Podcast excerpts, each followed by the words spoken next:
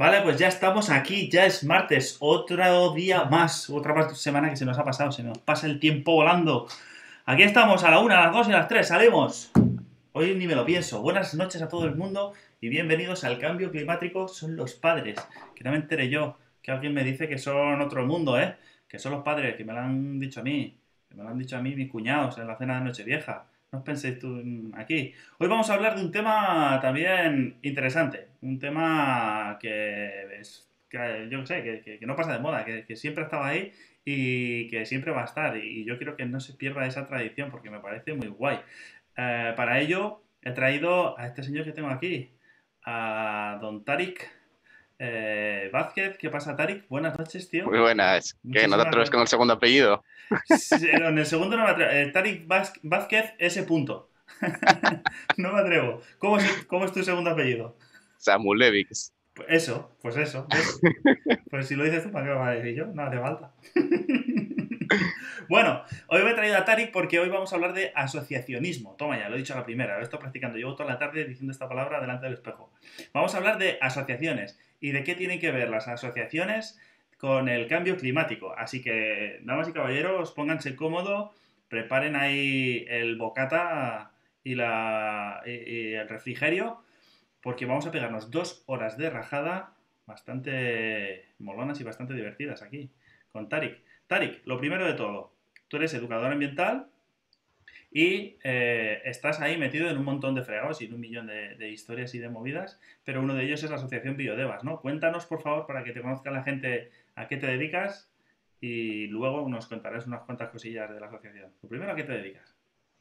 Bueno, pues digamos que yo ahora dedicarme como tal, me estoy dedicando a lo que viene siendo eh, estar llevando la, la, asociación Biodevas ah, como presidente. Ajá.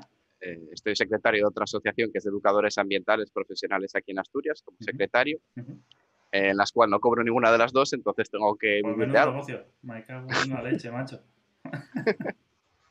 sí, porque la verdad que del aire todavía no podemos vivir, ¿eh? A mí me gustaría, pero... De agradecimientos o de visibilidad, ¿no, ¿no cobras en eso? No, no, nada. Todo eso siempre es de manera voluntaria. Ah, vale, vale, vale. Y entonces, bueno, para poder intentar vivir, busqué algo que tuviera relacionado con lo mío y que también pudiera seguir, digamos, eh, interactuando con las asociaciones bien. Y me surgió el poder estar, digamos, de político. Soy un político independiente. Y entonces, bueno, intento dar guerra también dentro del mundo del medio ambiente, pero en las administraciones. Bueno, bueno, o sea, dar ese enfoque que normalmente no tienen. Estás metido ahí dentro para luchar ahí desde dentro. Contra los enemigos de la Pachamama. Vale, vale. Exacto. y luego, bueno, poco a poco, pues por lo que va saliendo por ahí. También me dedico a estar en una tienda de segunda mano, eh, intentando ayudar a llevarla. Y bueno, algún festival de camarero, lo que va surgiendo, pequeños pinitos. Ah, toque, hombre, sí, hay que buscarse bien la vida, yo qué sé. Bueno, pero sí. Tarik es un guindilla, es un tío que se sabe buscar ahí las castañas bien. Está todo el día ahí entre unas y otras regionales bueno, vale, guay. Bueno, y cuéntanos, eh, cuéntanos hoy, tío, mmm, un poco de Biodevas, de la asociación em, a la que perteneces, de la que eres el presi, para que conozca un poco la gente qué es Biodevas y luego qué relación tiene con el cambio climático, que un poco de, relación me han dicho que tiene por ahí, ¿no? Sí, nada, pero solo un poquito, ¿eh? Solo un poquito. a ver, Biodevas es una idea que surgió, bueno, pues de tres jóvenes eh, que cuando la creamos pues teníamos 24 años, 18 y 25 y la idea era precisamente intentar llegar a la gente de, la ciudad principalmente, a la gente que muchas veces no tiene conocimiento sobre lo que es el medio ambiente o, o lo que conlleva, digamos, el medio ambiente general en nuestra vida.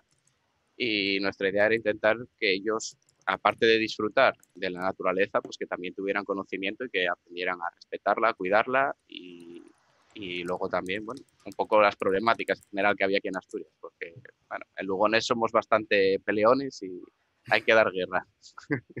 Buena rima, pensaba que ibas a hacer otra rima con Lugones, pero me lo Sí, sí, sí. Seguro que no tenéis cachondeo ahí, ¿eh? Uf, bastante, sí. De hecho, una de las cosas por las que me dio por hacer la asociación es porque precisamente Lugones tenemos una fama un poco de barrio bajeros en general, sobre todo la juventud. Y entonces quería cambiar un poco esa imagen de los jóvenes, de que vieran que no solo nos dedicamos a estar de cachondeo, que está muy bien, pero que también tenemos otras ambiciones. Ah, bueno, bueno, O sea, que la gente joven, aparte de estar por ahí tirada haciendo botellón y cosas de esas, y viendo gameplays y eso, también hace, hace cosas de provecho. Sí, sí, sí. Bueno, si te enseñara, aquí, por ejemplo, una de las fiestas más conocidas en Lugones se llama la Ruta de los Alcohólicos. Así que imagínate. es un...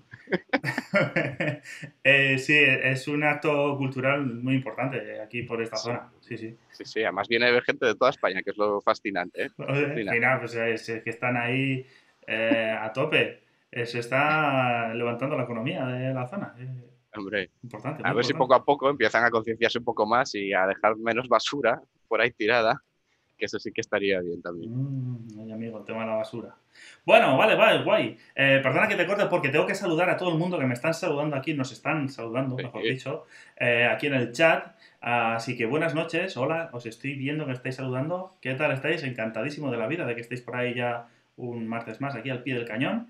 Eh, mil thank yous Muchas gracias a quienes estáis viendo el programa y muchas gracias a quienes, además de verlo, estáis ahí comentando a puñetero tope. Eh, por cierto, eh, por cierto, eh, por cierto.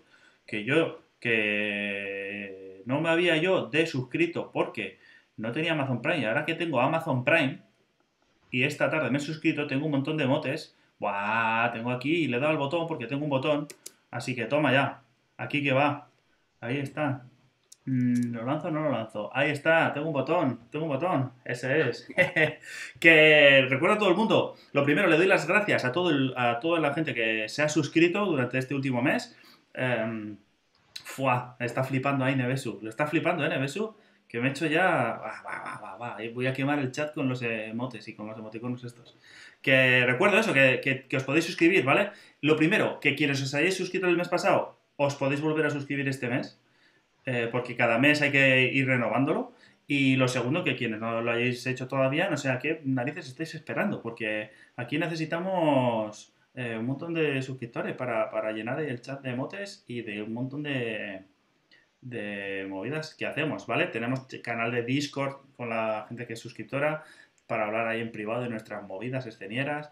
Tenemos, ¿qué más tenemos? A ver, que se me va la pelota. Hacemos de vez en cuando un directo solo para suscriptores. Eh, tenemos un montón de motes ahí que son la puñetera caña, que ya lo estáis poniendo, que es que son la risa. Es que son la puñetera risa.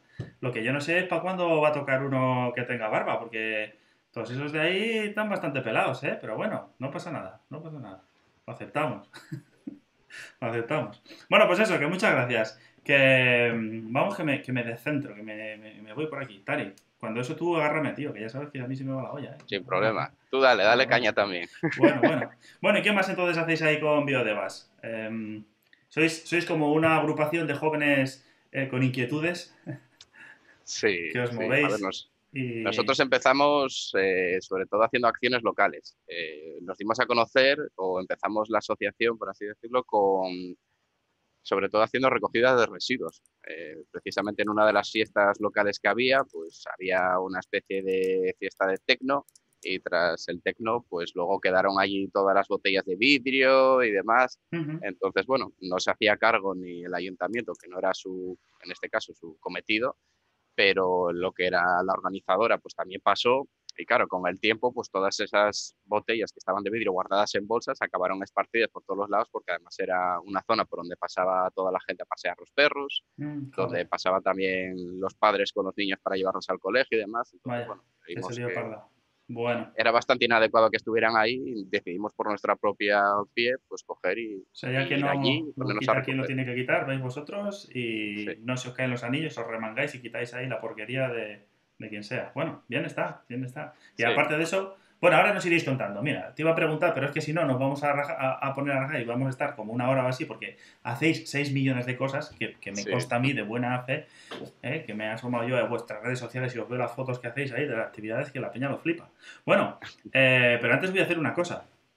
Es que voy a, voy a invocar al hijo del, del auténtico rock and roll que está aquí esperándonos al otro lado, porque, porque aquí hace falta, aquí la gente del chat no hace más que poner emoticonos y, emotes de gente que tiene la barbilla ahí pelada y yo aquí tengo que traer un poco más de, pelo para compensar, un poco más de pelo en la cara.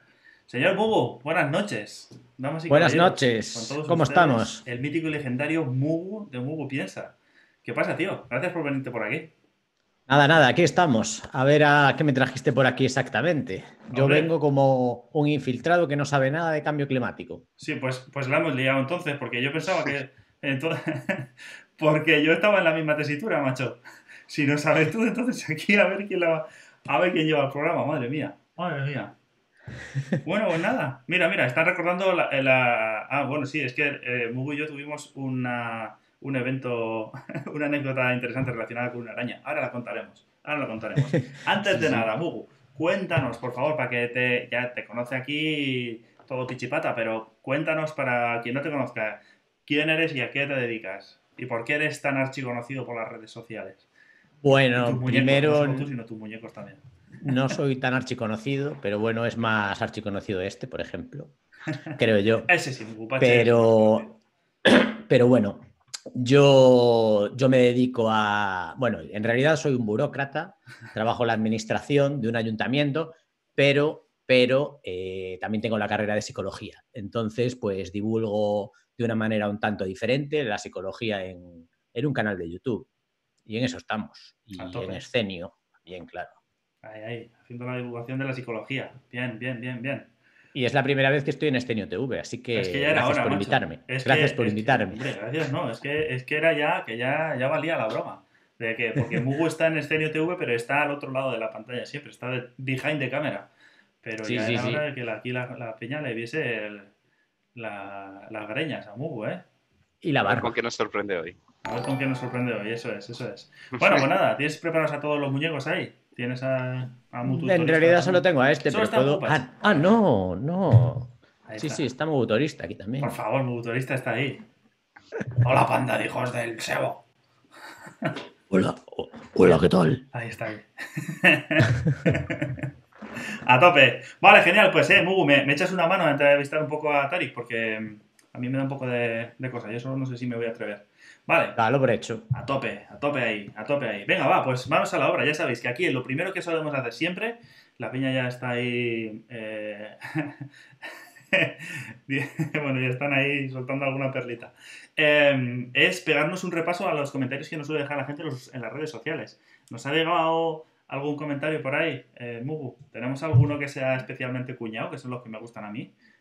Yo creo que sí, yo creo que algo tenemos por aquí. Algo ¿eh? relacionado con asociaciones y con cambio climático. ¿Qué, nos cuenta la gente de las asociaciones? A ver. Pues aquí alguien dice, así es como chupan subvenciones los ecologetas. Ay, amigo, ¿Qué te parece? ¿Qué te parece? los ecologetas. Es que mucho ecologeta, mucho chupador de subvención aquí veo yo. Si es que ya... Tari, que es que estáis ahí chupando del bote, luego no nos dejáis a los que, a los que nos hace falta de verdad. Estamos aquí hoy en día, como se suele decir, no, hay que vivir, ¿no? Pero no, no. En nuestro caso, por ejemplo, no, no cogemos ningún tipo de subvenciones. Somos una asociación que estamos, digamos, autofinanciada totalmente. De hecho, para precisamente salir de ese tipo de estereotipos que hay muchas veces, que igualmente hacen falta porque no chupan del bote, sino que ayudan a divulgar cosas. Eh, entonces hemos quitado la idea de coger subvenciones de ningún tipo y, y, estamos autofinanciándonos con donaciones que nos hace la gente de manera altruista y luego pues a través de merchandising y de gente que, bueno, que nos apoya en el día a día, sin más. Para luego compraros ahí verduras y, y, poneros a, a, chupar flores y a abrazar árboles, que es lo que hacéis. hippies. Hippies, que es lo hippie. Tengo que hacer un día, un día, una escapada de esas así por el monte y a, más de uno, sí, le haría falta, me parece a mí. ten cuidado a ver si un día os vais a cruzar, que ahora sale, que está todo el mundo que, que está saliendo por ahí. Hasta la gente que no ha hecho deporte en su vida está saliendo ahora como si fuera Kilian. Así que ten cuidado que un día por ahí te encuentras en la montaña alguno y tienes por ahí un percance, ¿eh? Ya, me he encontrado alguna cosa rara, ¿eh? Haciendo alguna... por el bosque, haciendo un, censo nocturno de ah, aves. Ay, ay, sí, sí, censo nocturno de aves lo llaman. Claro, claro, claro. bueno, ¿alguna cosa más, Mugu? ¿Tenemos algún otro comentario? Sí, sí, sí. hay más chicha, hay más chicha. Manguita buena. Eh, pero, pero, cuñada, ¿no? ¿Te refieres? Cuñadísima, por favor. Aquí siempre, siempre lo primero, la prioridad es, son los cuñados. En este programa, eso, siempre.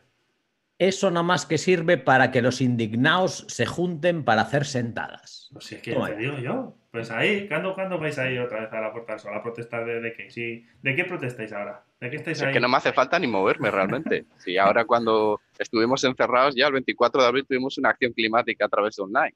¿Qué es Eh, que que si poniendo sombrecitas en, las, en los edificios, que si poniendo música. Aquí la cuestión ya es protestar, sin más. Eso ¿no? es, si es que esto parece Twitter, tío. Estáis ahí todo el día dando por saco. Calmaos un poco, disfrutad de la vida un poco más. ¿Por qué estáis ahí tan, tan, tan protestones, joder? ¿Qué falta hace? A ver. Pero sí que es cierto que nosotros, por ejemplo, una de las cosas que intentamos hacer siempre es eh, hablar con la población local, eh, Ujú. intentar primero educarla y hacerle ver por qué estamos realizando ciertas cosas y, y luego intentar actuar. Eh, no vamos a criticar sin más. O sea, primero nos informamos y luego ya es cuando intentamos criticar. Queremos Mm. dar soluciones antes que ser algo simplemente de crítica. Bueno, bueno, bueno, bueno. ¿Cómo se nota, cómo se nota la vena ahí de político que le sale a... a- Ah, hombre, Sí, sí, sí, sí. bueno, vale, vale, vale. ¿Más cositas? ¿Tenemos más, más. Tenemos, tenemos otro comentario cuñado. Lo que pasa que, como acaba de decir que piensa localmente, no sé si, si procede mucho, pero yo te leo lo que pone. Ah, Pues, si, pi- pues que si piensas globalmente te da un chungo. Piensa local, actúa local. Claro que sí, tío. Hay que pensar en la casa de uno nada más. ¿Para qué vas a pensar tú en los osos polares por ahí? Ni, ni, ni en los... Venga, hombre, ya. Claro Nada. Por nada. cierto, por cierto, perdón un segundo, antes de nada, me acabo de acordar que ver. tengo Amazon Prime Hombre, y me Mugu, puedo suscribir a hombre, este Mugu, Pero ¿cómo me estás diciendo que tienes Amazon Prime y todavía no eres Ah, suscriptor? a ver, de voy a darle al botón. TV? Ojo, De volver a cuidado, suscribirme. Por favor. Ah, vale. Se te había pasado. Pues en Damas y Caballeros, en directo vamos a, a- a presenciar la suscripción de Estoy, ¿no? Mugu para que veáis todos cómo se renueva una suscripción, ¿vale? El botoncito. Este botoncito, Estoy suscrito ya. No sé. Ahí tiene que salir. Hay un botón. Hay un botón. Poner el chat, el, el emote. El botón Dale, dale, morado dale. que hay justo aquí encima de la pantalla. Eh, se le da y se pone ahí. Hazte con. Os Ahí podéis suscribir o bien a Tocateja o bien quien tenga una cuenta de Amazon Prime la asociáis porque Twitch es de Amazon. Entonces, como son los jefes, te sale Ahí. Ahí, ahí. está, ahí está. Muchísimas gracias, Mugu. gracias. Buah, encima dos meses. Buah, Claro, claro, la renové, la renové. Maravilloso, maravilloso. Pues muchas gracias, muchas gracias. A ver si cogemos ejemplo. ah, no, así con el... aquí, perdón. Que a ver si vamos pillando ejemplo del resto que estáis por ahí en el chat. Bueno, no digo nada. no digo nada. que ahí se viene. Bueno, que, que entonces la famosa frase esa de piensa globalmente, actúa localmente, que suena ahí como muy a, a, a- a meme de, de Turó. Eh, ¿Eso cómo va? Pues nosotros lo que pretendemos es sobre todo intentar hacer ver eso, campañas que hay a nivel internacional, intentar acometerlas a nivel local. Eh, siempre estamos intentando que hay que pensar por lo que tienes primero siempre en casa, que es lo que se suele decir, Ujú. pero lógicamente no dependemos solo de nosotros. Entonces, eh, hay que, nosotros sobre todo intentamos interactuar con diferentes plataformas e intentamos siempre estar informados de lo que está pasando a nivel global para intentar llevarlo a cabo aquí a nivel local. Y desde luego que lo que nos está afectando a nosotros también está afectando en otro lado del mundo y viceversa. O sea, que tienen que ir unidas de la mano. Bueno, bueno, pero no, entonces no hay que pensar solo localmente, como nos decían nuestros cuñados No. favoritos. No, no. Como digo yo, el, el mundo no tiene fronteras, ¿no? Qué bonito, joder. Mira estas cosas tan bonitas a estas horas de la noche, que me emociono. Bueno, vale, pues nada, oye, pues, pues buenos, buenos comentarios, cuñados, que nos ha dejado por aquí el personal, ¿eh? Si, salvo que me digas si hay alguno más, nos metemos manos a la obra aquí, Mugu, entonces. ¿Estamos preparados ya? Mm, Yo creo que ya podemos empezar con alguno más serio. Vale, vale, vale, vale. ¿Estás preparado, Tarik? Sí, sí, sí. Sí. Te van a llegar ahí unos cuantos, ¿eh? Hombre. Vale, vale. Bueno, pues Ya, entonces... con lo que me toca aguantar de político, como para no estar. Ya con- Te llevas el chubasquero ya incorporado, ¿no? Sí. Para que te resbale ahí todo. Bueno. Bueno, vale. Pues nada, lo primero de todo, entonces, eso. eh, cuéntanos, me gustaría preguntarte que nos contases eh, acciones concretas que hacéis en Biodevas. Ya nos has intro- eh, eso, eh, presentado alguna de ellas, pero ahora cuéntanos un poco otras, otras actividades. ¿Qué actividades hacéis? Por ejemplo, limpiezas de esas de o sea, recogida de basura de eventos así eh, multitudinarios, por ejemplo, allí en, en la zona de Lugones y así. ¿Y qué más hacéis? Cuéntanos otros, Sí, otras campañas.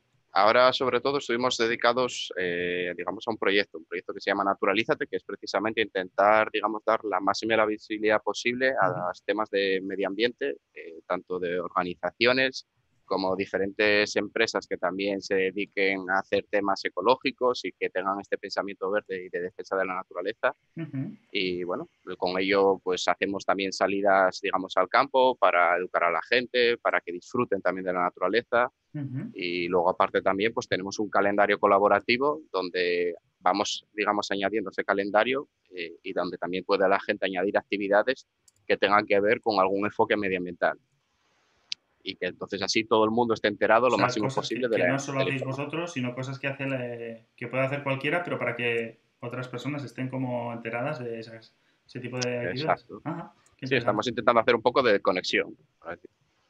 Ajá, qué guay. Bueno, qué guay, mola, mola. ¿Y alguna cosita por ahí? Os he visto fotos en la playa, que os gusta iros a la playa a, hacer, hacer las sentadas que hacéis. ¿O cómo? Nos gusta mucho ir a la playa porque, bueno, al mm. final eh, la basura, pues es el gran retrete, ¿no? Es el mar. Mm. Y ya no solo lo que tenemos en la ciudad, pues acaba ahí en el mar, en las playas, y hacemos varias recogidas de playas, igual que las hacemos también urbanas, para intentar concienciar sobre ello y, sobre todo hacerles ver que esa no es nuestro cometido realmente, que nosotros no nos dedicamos a limpiar basura, sino que lo que queremos es concienciar a la gente a través de esas actividades. Es una manera más amena de poder llegar a la gente. O sea que organizáis algún evento que, os he visto, por ejemplo, en Instagram que habéis puesto lo que sea, organizáis como una limpieza, por ejemplo, en una playa, que ahora es como, se, suele estar, está bastante extendido, ¿no? Típico que organizas un día, pues un fin de lo que sea, ahora ya no, quiero decir, cuando se podía, cuando era muy Cuando se podía. Y lo que hacéis es como llamar la atención de la gente que vive ahí para que se una ese día, pero para que luego, al verlo, porque debe impresionar, luego que se le queden las ganas de seguir haciéndolo ahí ellos, ¿no? En sus, en sus localidades. Exacto, sí. Y bueno, y luego informar un poco en general de por qué llegan los residuos ahí, eh, qué es lo que pueden hacer ellos para evitar el, que lleguen esos residuos, eh, diferentes temáticas, por ejemplo, de reciclaje también, porque luego nosotros también toda la, digamos, la basura que recogemos, nosotros la reciclamos, la llevamos a un punto limpio normalmente y intentamos evitar el, hacer más consumismo con bolsas de plástico, llevamos bolsas de, de, tela de rifa que se llama, que son las antiguas que se utilizaban, yo que sé, para los granos de café y cosas así.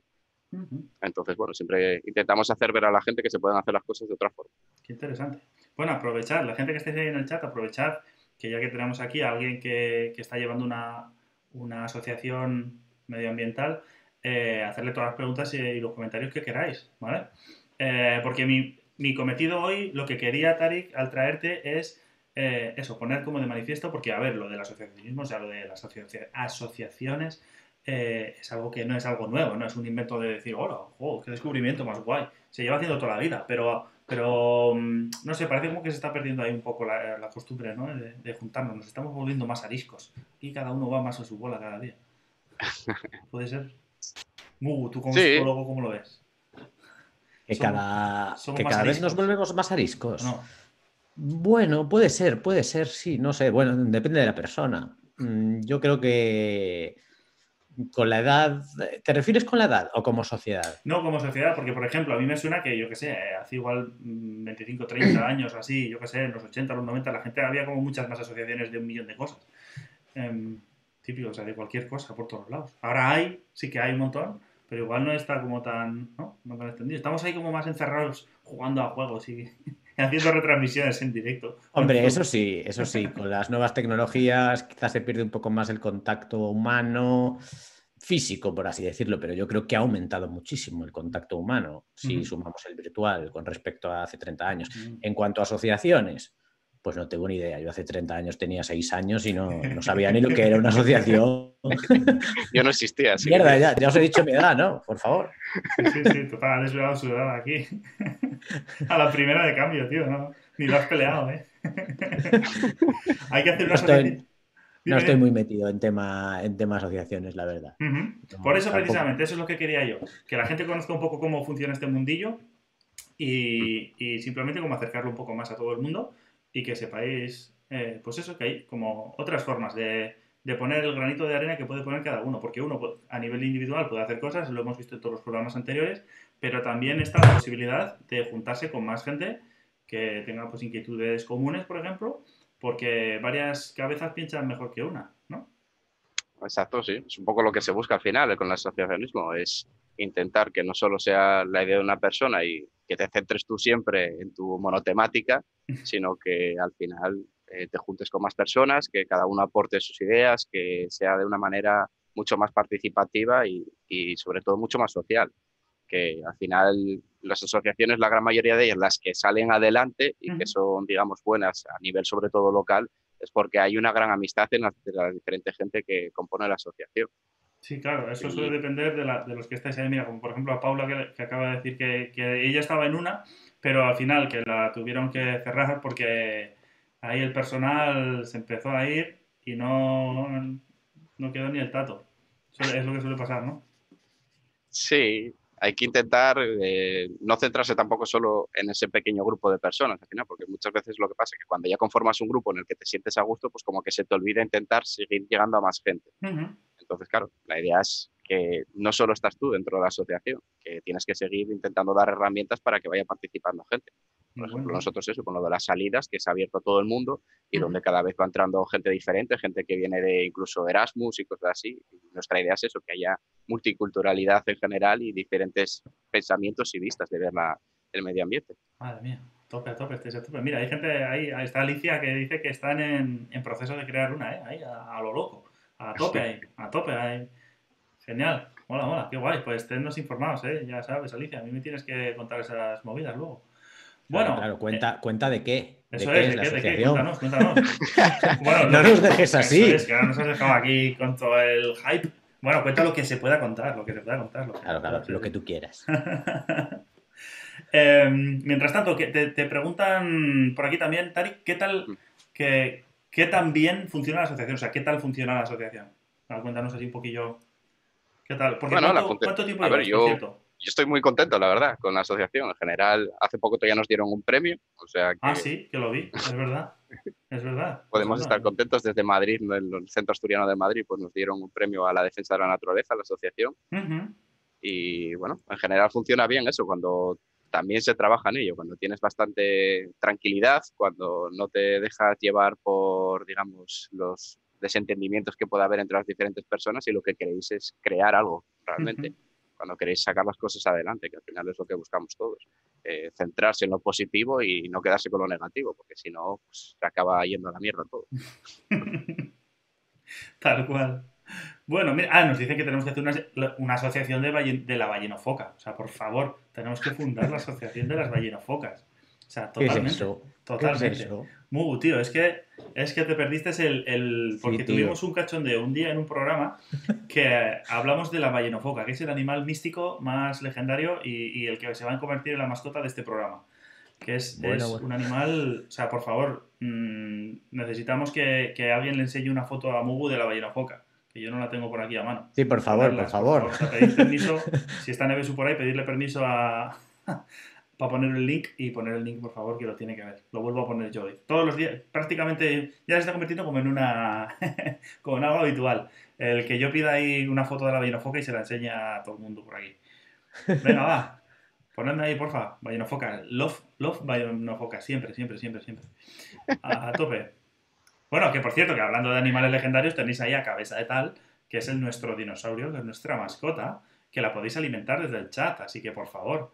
Eh, ¿Cómo se alimenta? A ver, explícame. Se alimenta, porque... pues te cuento, Tarik. Tú, eh, quien esté en el chat, puede escribir exclamación para abajo, alimentar, y le da de comer, porque ese dinosaurio se alimenta de personas.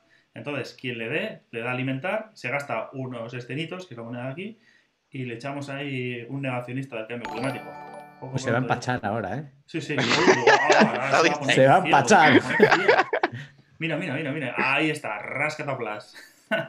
Merendado. Buah, se está poniendo como el Kiko, chaval. Venga, venga. A tope. Por cierto, gracias a quien nos ha seguido. Eh, que ha pasado así como muy rápido el, el, mensaje, no he visto el nombre, pero bueno, mil gracias, mil gracias, de cualquier manera. Bueno, el caso que ya veis, eh, se le puede alimentar al, al pedazo de, de, cabeza de tal, se llama el dinosaurio, ¿eh? por cierto, cabeza de tal, tiene nombre binomial, como buen canal de divulgación científica que es. hemos puesto un buen nombre mira. En fin, que, ¿por dónde estábamos? Que me, que me distraigo yo con el... Por cierto, también se le Pregunta que si me voy a rapar, que cuándo me voy a rapar, pues ¿Cuándo se llama rapel pelo, que yo antes tenía melena. Joder, ¿y ahora qué Estoy volviendo a dejarla larga. ¿Se te ha subido el gato en la cabeza o qué tienes ahí? Porque tienes No sé. macho. Es algo extraño. Está aquí creciendo a medias. Mira, Me cago en 10. no sé. Dejame un poco aquí para la pista para el helipuerto que tengo aquí montado. Bueno, eh, cuéntanos más cosas, tío. Más, más historias, más... Lo de las rutas, eso está guapa, ¿eh? Hacéis ahí excursiones... El año pasado, por lo menos, en la primavera pasada, estaba guay, ¿eh? Os ibais por ahí al monte. Sí, ¿Y vais a la solemos hacer una ruta todos los, to- ahora mensualmente, hacemos ya directamente. Antes era esporádicamente con diferente gente, sobre todo de otras asociaciones que querían, digamos, darse a conocer o que querían dar a conocer su proyecto. Ajá. Y ahora ya nosotros dentro de la propia asociación pues hacemos una ruta mensual. Por, normalmente solemos ir a un, a un parque natural de los que hay aquí en Asturias y Ujú. les damos a conocer dónde están eh, y luego sobre todo es intentar sociabilizar, eh, intentar mientras lo que vamos por el camino pues se les va dando ciertas explicaciones de lo que vamos viendo, de anécdotas y de cosas interesantes y además es abierto a todo el mundo, que cada uno vaya aportando el conocimiento que tenga. Antes sí que teníamos un geólogo, teníamos a uno que era, por ejemplo, aficionado a las nubes y demás, entonces sí que metíamos bastante temática, digamos, un poco más científica Ujú. pero vimos que como que a la gente de ciudad tampoco le acababa de agradar tanta información, entonces lo hemos hecho un poco más social. Más light. Ah, bueno, bueno. Sí, machacar mucho a la peña, ¿no? Bueno, bueno. Bueno, eh, ha llegado el momento. Ya tengo la... Gracias, gracias Paula por traer la ballena foca. Eh, ¿Estáis preparados? ¿Estáis preparados? Es brutal. ¿Estáis preparados para contemplar la verdadera ballena foca? Pero Eh, pues aquí va, ¿vale? Lo voy a poner en la foto de Mugu. Mugu, tú mírate en el directo, mírate la auténtica, mítica y legendaria ballena foca. Esa es. Damas y caballeros, ahí la tienen. Todos, con todos ustedes.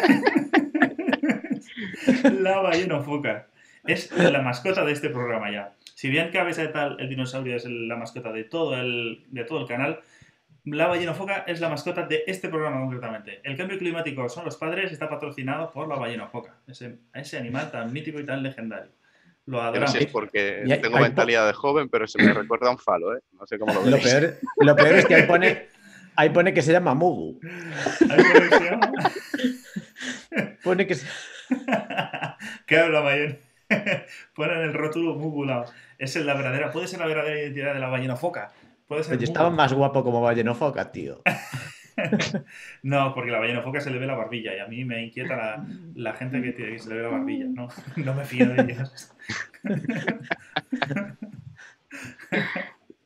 Bueno, eh, ¿y qué más? ¿Qué más? ¿Alguna otra cosa más que hagáis por ahí? sí.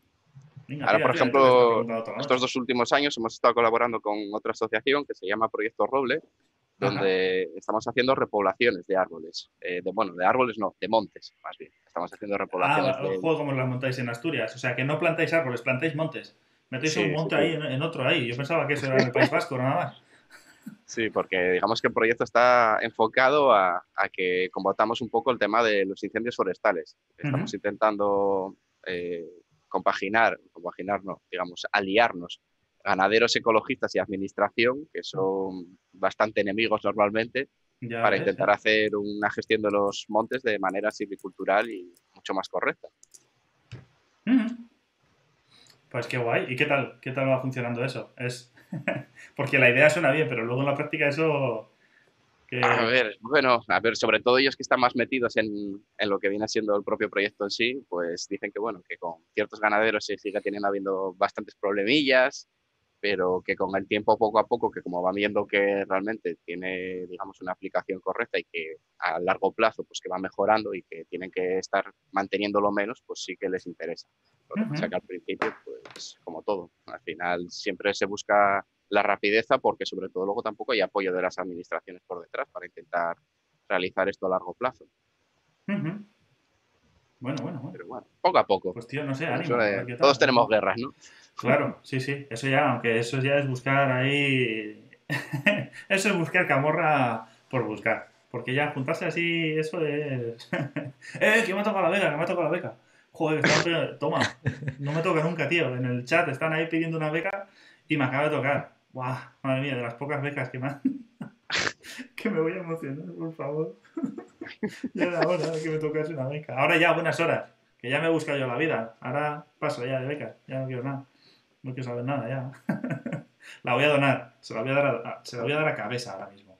Le voy a dar cabeza, baila, por favor. Voy a dar mis escenitos de la beca para que baile el dinosaurio. Bueno, eh, pues nada, Mugu, ¿tenemos por ahí alguna pregunta de, la gente de las redes sociales? Para trasladarle a Tarik. Vamos a ver qué nos traen por aquí. Gracias, José Ramón, por cierto. Tírate. Mira, aquí hay una que dice: ¿Qué cambios habéis conseguido gracias a vuestra asociación? Hmm, buena pregunta. ¿Habéis conseguido hacer algo? ¿Habéis, mejorado el mundo un poquitín? Aunque sea. ¿Ha valido para algo? ¿Ha, valido, ¿Ha merecido la pena?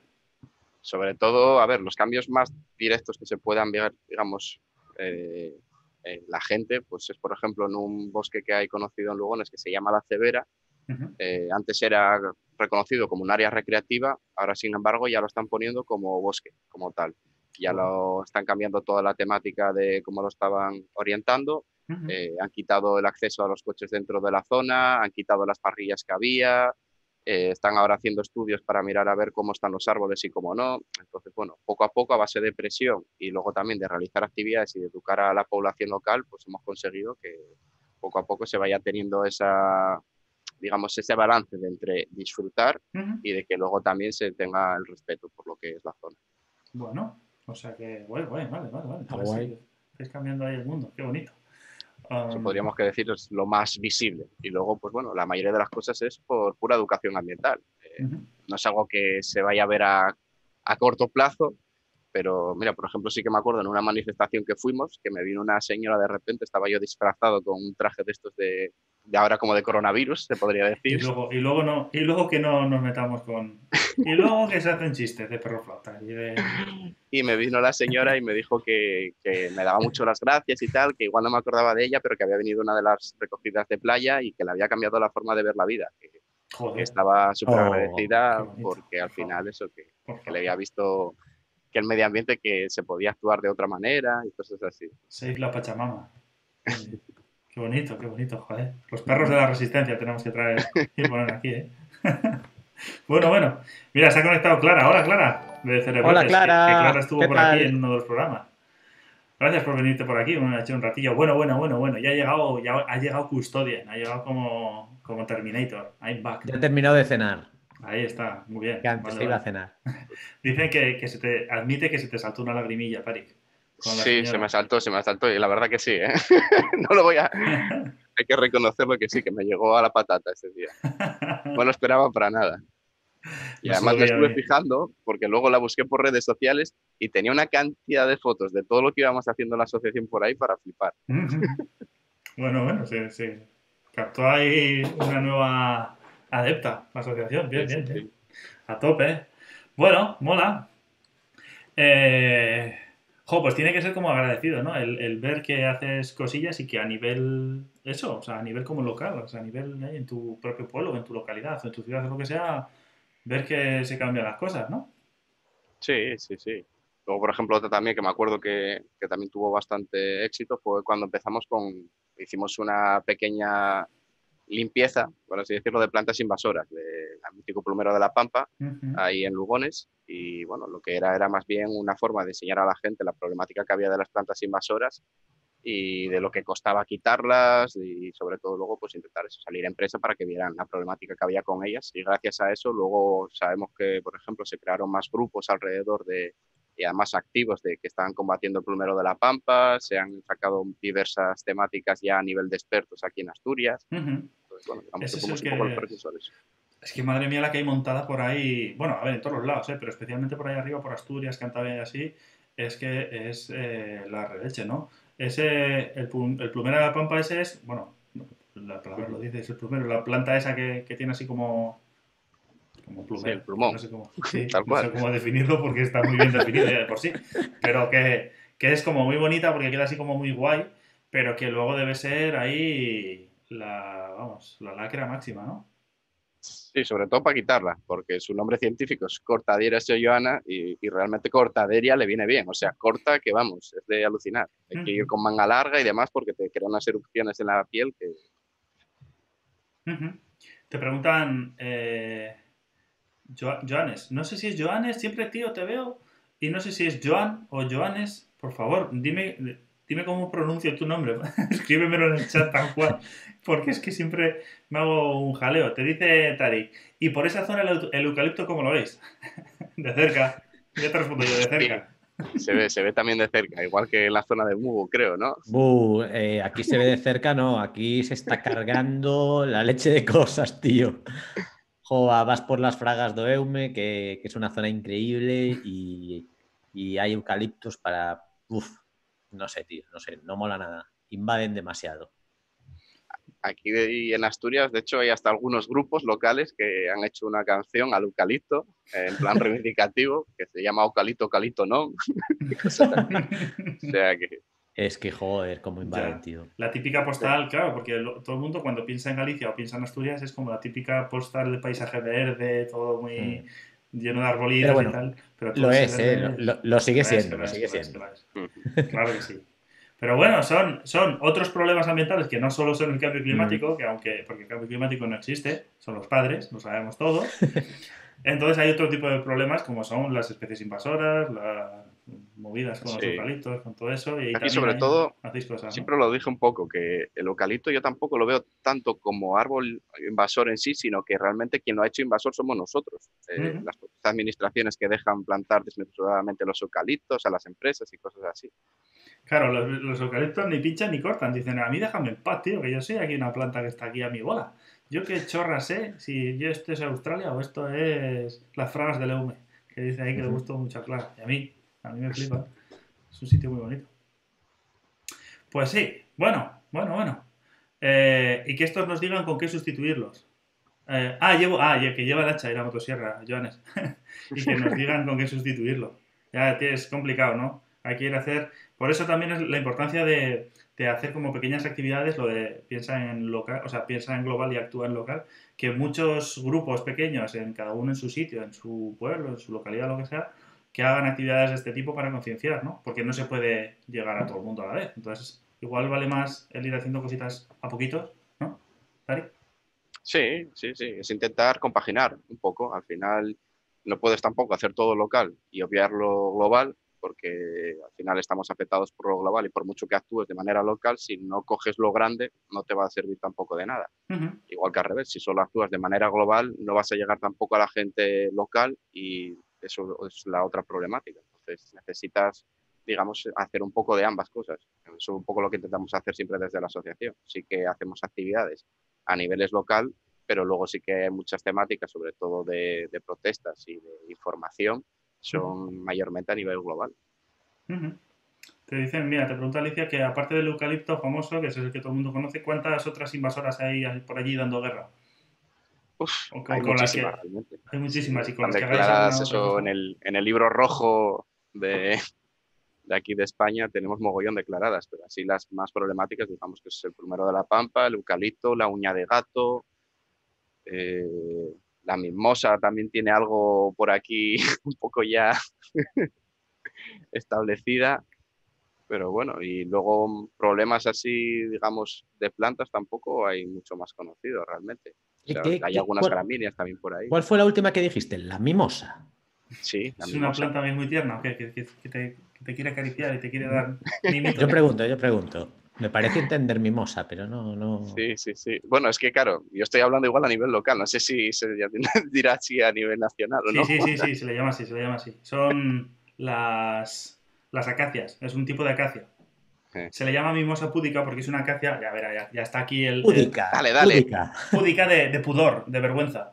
Mimosa púdica, porque es cuando la tocas, tiene, tiene las hojas así, y si tú la tocas, tiene una reacción que cierra así las hojas, como que se esconde. Entonces se le llama mimosa ¡Hala! púdica. Eh, sí, es un tipo de. que es, es un árbol muy bonito que se suele poner mucho en los parques y en los jardines y así, porque es súper guay. Pero eh, actúa como invasor. En algún, en- bueno, eh, es una especie, luego hay más, hay un montón de especies de mimosa. Mm. Ujú. Y la Un lobo con piel de cordero, entonces. Algo así. Sí. Sí, Claro, Pero bonito. claro, es que de las plantas no te lo ves venir. sí, no, es como la uña de gato. La uña de gato también es, es precisamente invasora por culpa de eso, de que es muy bonita. Engaña a la gente. Bueno, pero con ese nombre, uña de gato, ya puedes imaginarte que te pueda arañar.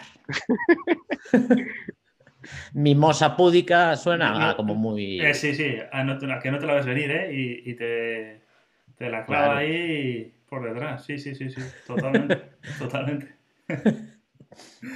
bueno, em, eh, me gustan mucho las mimosas, pero me angustia porque paso tocándola.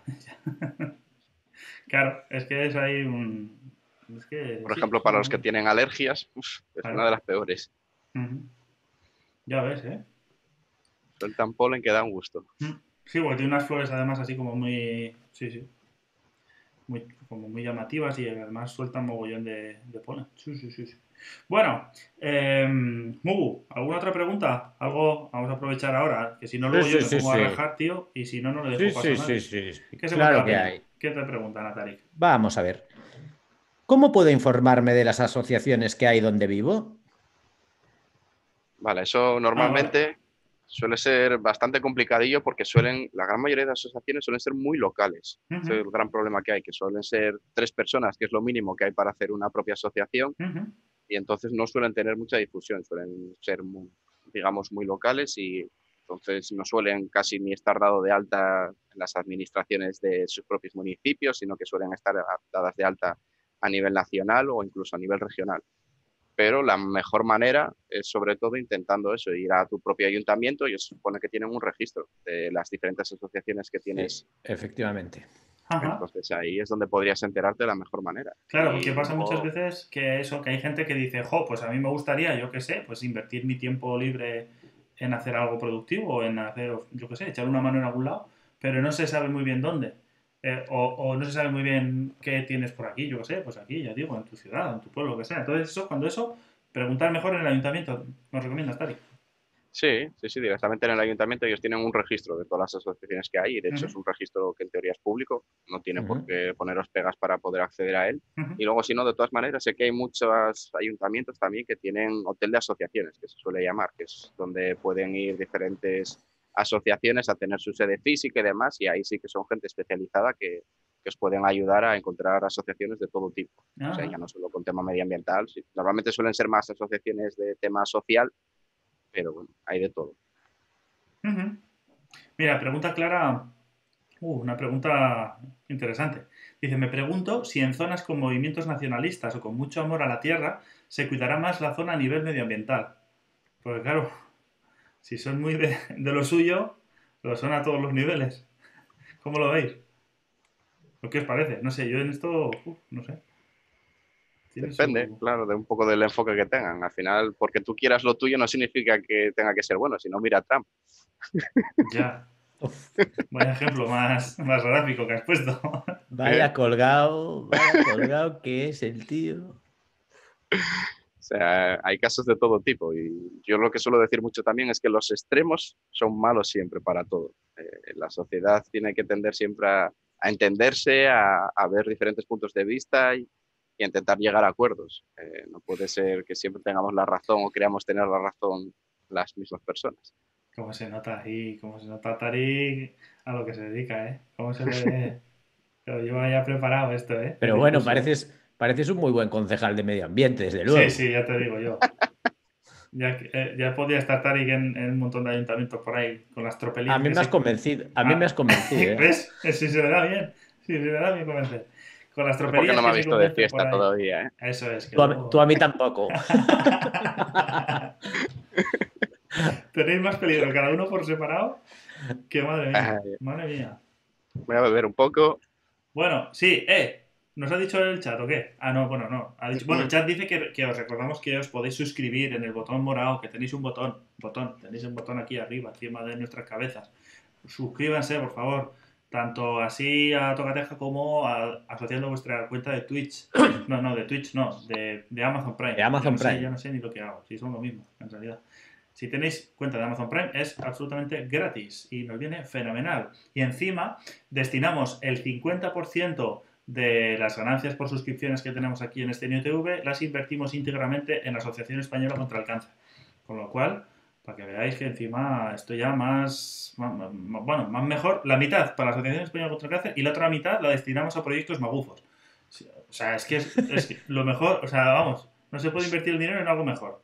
Es, es, vamos, no se me ocurre ninguna cosa mejor. Bueno, si tienes sed, Ah, que me dice Custodio que es que yo espero solo al chat. Me puedo, me puedo estar deshidratando que si el chat no me dice que tengo que beber, yo no bebo. Yo solo bebo cuando me lo manda el chat. Pero se le puede poner la orden de... Eh, pues qué suerte, porque yo me paso bebiendo todo el día, eh, tío. bebiendo y meando, claro. es, un circuito...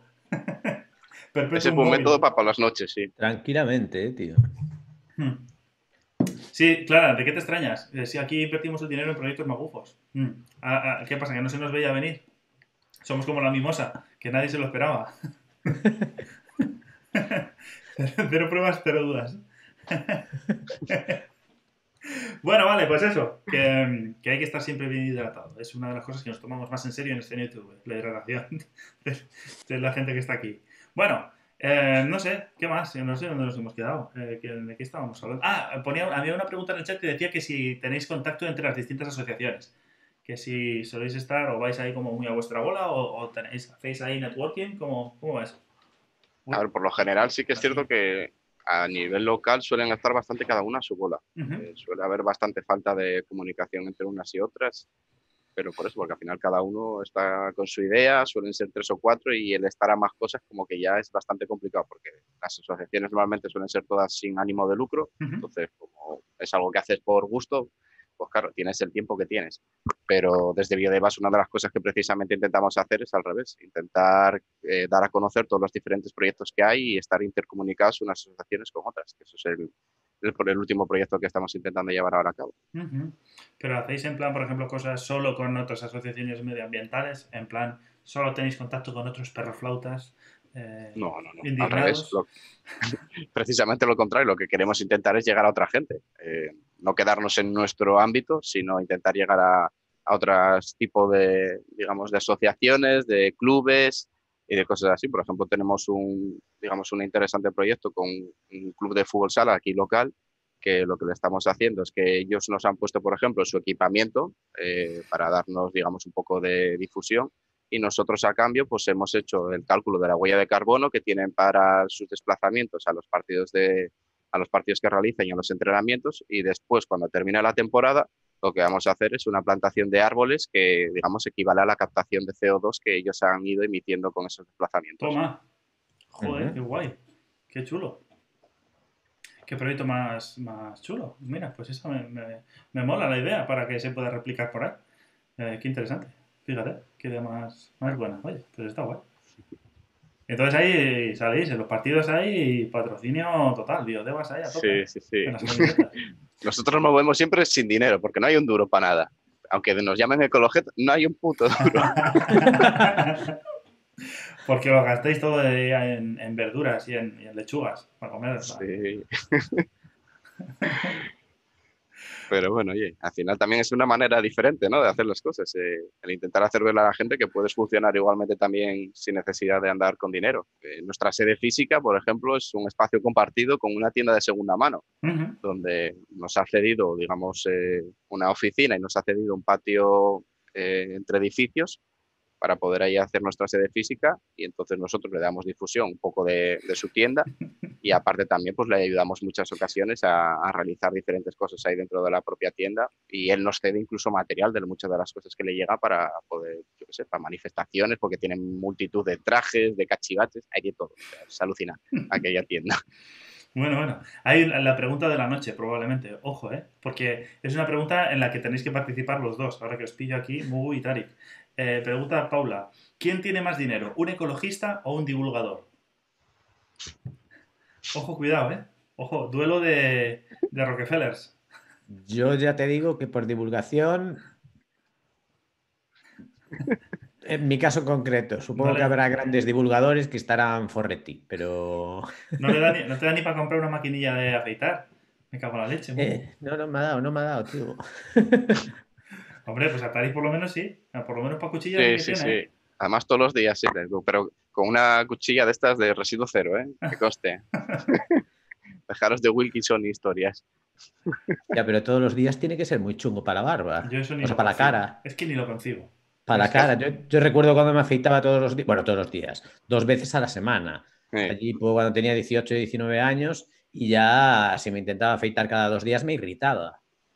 ¿Cómo te afeitas todos los días con cuchilla, tío? ¿Cómo- cómo- Eso, cuando tal con paciencia, como digo yo, porque eso hay que llevarlo muy poquito a poco, hay que meterle bien el jaboncito natural, dejarlo precisamente antes que abras los poros con agua caliente, o sea, son todo... Al final, intentar adaptarnos al cuerpo en vez de que nosotros hagamos que el cuerpo se adapte a nosotros. Madre Bien, bien, bien. Yo aquí estoy, vamos, o sea, como, o sea, me siento como un calvo en una peluquería ahora mismo en esta conversación. ¿Y tú cómo te retocas la barba? Ver. hablando. La, yo, la, es que la barba no se retoca, es que hay que dejarla crecer a- a- en totalmente libre. libre Pero por como la aquí sí, por, por aquí sí, hay que quitar Nada. un poquito del labio eso, superior. Eso filtra los fideos de la sopa. Los. los como las ballenas. como las ballenofocas. Para eso sirve. Lo haces, puedes hacer como el Dr. Zoiber. Así, así. Para eso sirve. Ay, madre. En fin, ¿qué estáis diciendo por aquí por el chat? Que os cuento por ahí. Dramas masculinos, ya, sí, ¿eh? Problemas de. Bueno, oye, Sí, sí, sí, sí. las mujeres también tienen otro tipo de dramas, ¿eh? No solo Sí, los hombres. sí, aquí esto- el caso es que esto es un, esto- el, el mundo del vello eh, corporal es, es un drama, ya de por sí. La vida es una tragicomedia. Eso es. Eso es. Pero por lo menos la vivimos con risa, que eso es lo importante. por Eso sí. Salud.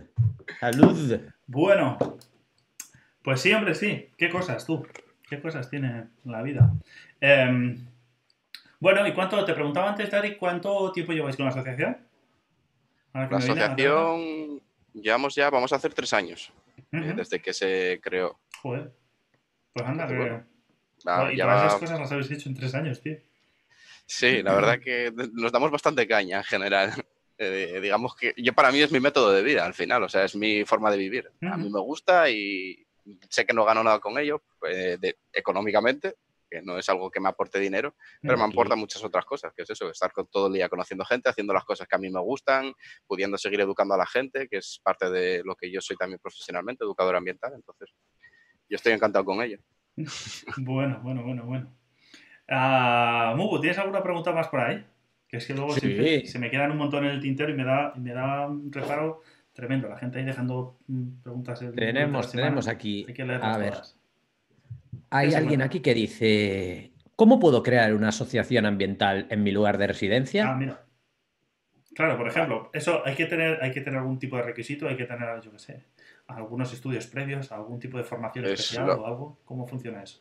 Lo que me sorprendió a mí también el día que la crees, que realmente no, no te es necesario tener nada. El, para poder crear una asociación, lo único que necesitas son tres personas: un tesorero, un presidente y un secretario o secretaria. Es indiferente. Luego ya la formación que tengas o lo que tal, lo único que tienes es que luego marcar en, el, en la casilla de registro el tipo de asociación que quieres y ya está. Luego tú eres el que realmente le da, digamos, la formalidad que quieras, porque bueno, hay asociaciones de todo tipo. Hay algunas que se ponen como medioambientales y luego, sin embargo, son sociales o al revés. O sea, hay muchas historias por ahí que cada uno hace sus trampas porque al final no hay un, seguimiento específico de las asociaciones como tal, de ver si realmente lo que son eh, es lo que, han, lo que han dicho que son.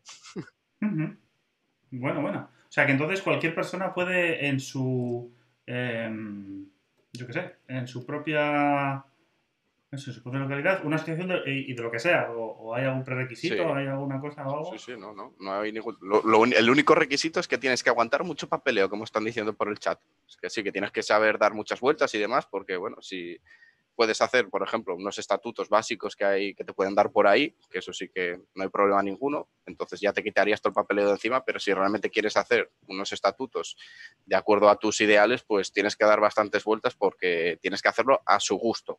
O sea, a mí, por ejemplo, yo tenía, me acuerdo que estuve, no sé si estuvimos, que fueron? Siete meses para poder aprobar los estatutos de la asociación, porque no decíamos las cosas en la formato que ellos querían. O sea, era lo mismo, pero había que hacerlo en su formato. Y así estuvimos. ¿Qué quería quién? ¿El ayuntamiento? sí, la administración. En este caso era el. el Ay, no la administración. Si yo te contase, si yo te contase. Pero bueno, tiene toda su lógica, ¿eh? O sea, porque al final, si no, es un desbarajuste para ellos también. Ujú. Que estuve ahí peleándome con ellos bastante y me lo decían, luego me hicieron ver porque bueno, vieron que tenía ganas de hacer las cosas y ellos también vieron que, que querían solucionar ya esa problemática que había. y estuve allí hablando con ellos personalmente y ya me explicaron el porqué de todo, no sé cuánto. Entonces, bueno, Bueno, bueno. Que nos dice el chat que tenemos que beber agua. Y Mugu, tú, que me he enterado, que me has dicho antes que no te has preparado el agua, arrea ahora mismo y píllate un vaso de agua que, que, que como me entere yo, te va a dar, te va a dar garrotazo, ¿eh? Ah, lo tienes ahí. Ah, vale, Me vale. estoy haciendo, me estoy haquendo pipí. Y te, y te pregunté por el chat interno cómo Por- tengo que hacer. Tío, te estaba intentando. Qué desastre, de verdad. No te. Le estaba Vale, vale. intentando dar. Ahora lo pillé, ahora lo pillé. Me estabas introduciendo. La ¿no? comunicación en Stereo TV es. es Voy, lo más. voy a llenar la botella de Yo agua. haciéndole un guiño, vete a rellenar esa botella de lo que quieras, de lo que sea. que nos quedamos mientras Tarik y yo aquí. Menudo bueno. tío, me dice, tío, que es que, te- que le tengo que cambiar la al canario. Digo, bueno, voy a decirlo de una manera que parezca como que es algo interesante, para que no se sienta muy cohibido. Y dice, no, no, que me estoy meando. Qué artista es, Mugu. qué ¿Qué bueno. artista es? Madre mía. Bueno, que mientras tanto te voy diciendo. eh, ah, bueno, sí, claro, tenías que haber visto. Eso es, es verdad, José Ramón, cierto. Eh, que tenías que haber visto cómo, cómo nos lo contó Pablo Escribano, de cómo se lo montaban en la Antártida para, para ir al baño. Ese te podía dar Ah, sí, bueno. eh, eso, eso os estuve viendo, sí, que era bastante interesante, sí. El frío que tenían que pasar y demás, me cago en la línea. ya ves, chaval. Madre mía. Bueno, Tarik, te pregunta Alicia, eh, ¿qué es lo mejor? ¿Cuál, eh, pero a ver, sí, ¿no? Eh, ¿Qué es lo mejor y qué es lo peor de Biodevas? Uf, ¿esto, ¿esto qué es? ¿Una entrevista de trabajo, Alicia, o qué es? Ahí, ahí, claro. Es que, es que esa está ahí de metida de secreto. Ella es socia de Biodevas. Ah, ¿qué es eso de Biodevas? Ah, amiga mía, o sea que estabas ahí. Ja, ja, ja. O sea que estaba haciendo preguntas también para, para tirarte de la lengua, ¿eh? Vale, vale, vale, vale. Madre mía, esto Sí, es un complot todo. ¿Cómo no va? Luego que, luego que hay que, que hay gente ahí conspiranoicos y así, si es que si es que no hacéis más que hacer ahí cosas para darle a la gente que hablar.